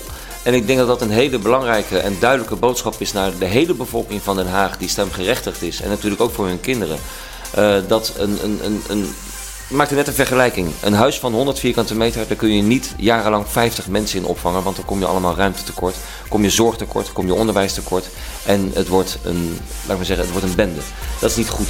Dus we moeten zeggen, stop op de eh, groei van de stad. Laat de stad zelfs ietsje krimpen. En laten we met z'n allen dan weer de menswaardige groei doormaken. Die Den Haag en vooral ook Scheveningen heel mooi maakt. Helder, duidelijk, bedankt. We zijn aan het eind gekomen van dit eh, verkiezingsdebat. Kijk en luister ook naar de herhaling van dit programma op www.discus.nl. Deze uitzending werd mede mogelijk gemaakt door Ronald Voortgens, Kees Kouwenberg, Marcel van Genen, Bobak Mokkedan, Harry Power, Ton Willekes. Eh, de gasten werden opgevangen door Judy eh, Borst. Eh, de weetjes en het nieuws werden verzorgd door Guillaume Schoonderbeek. Redactie en presentatie was ondergetekende. Ehm, kijk volgende week ook naar de, de, naar de nieuwe, uitzending, weer een reguliere uitzending. Met als onderwerp de gemeente loopt leeg op de jeugdzorg. En trouwens, over twee weken gaan we het hebben over de uh, bewonersparticipatie en zeggenschap. Ehm, Kijk en luister naar de herhaling van dit programma op rtwissers.nl. En ehm, kijk ook woensdagavond om 7 uur naar het Journaal. Dank voor het kijken en tot volgende week.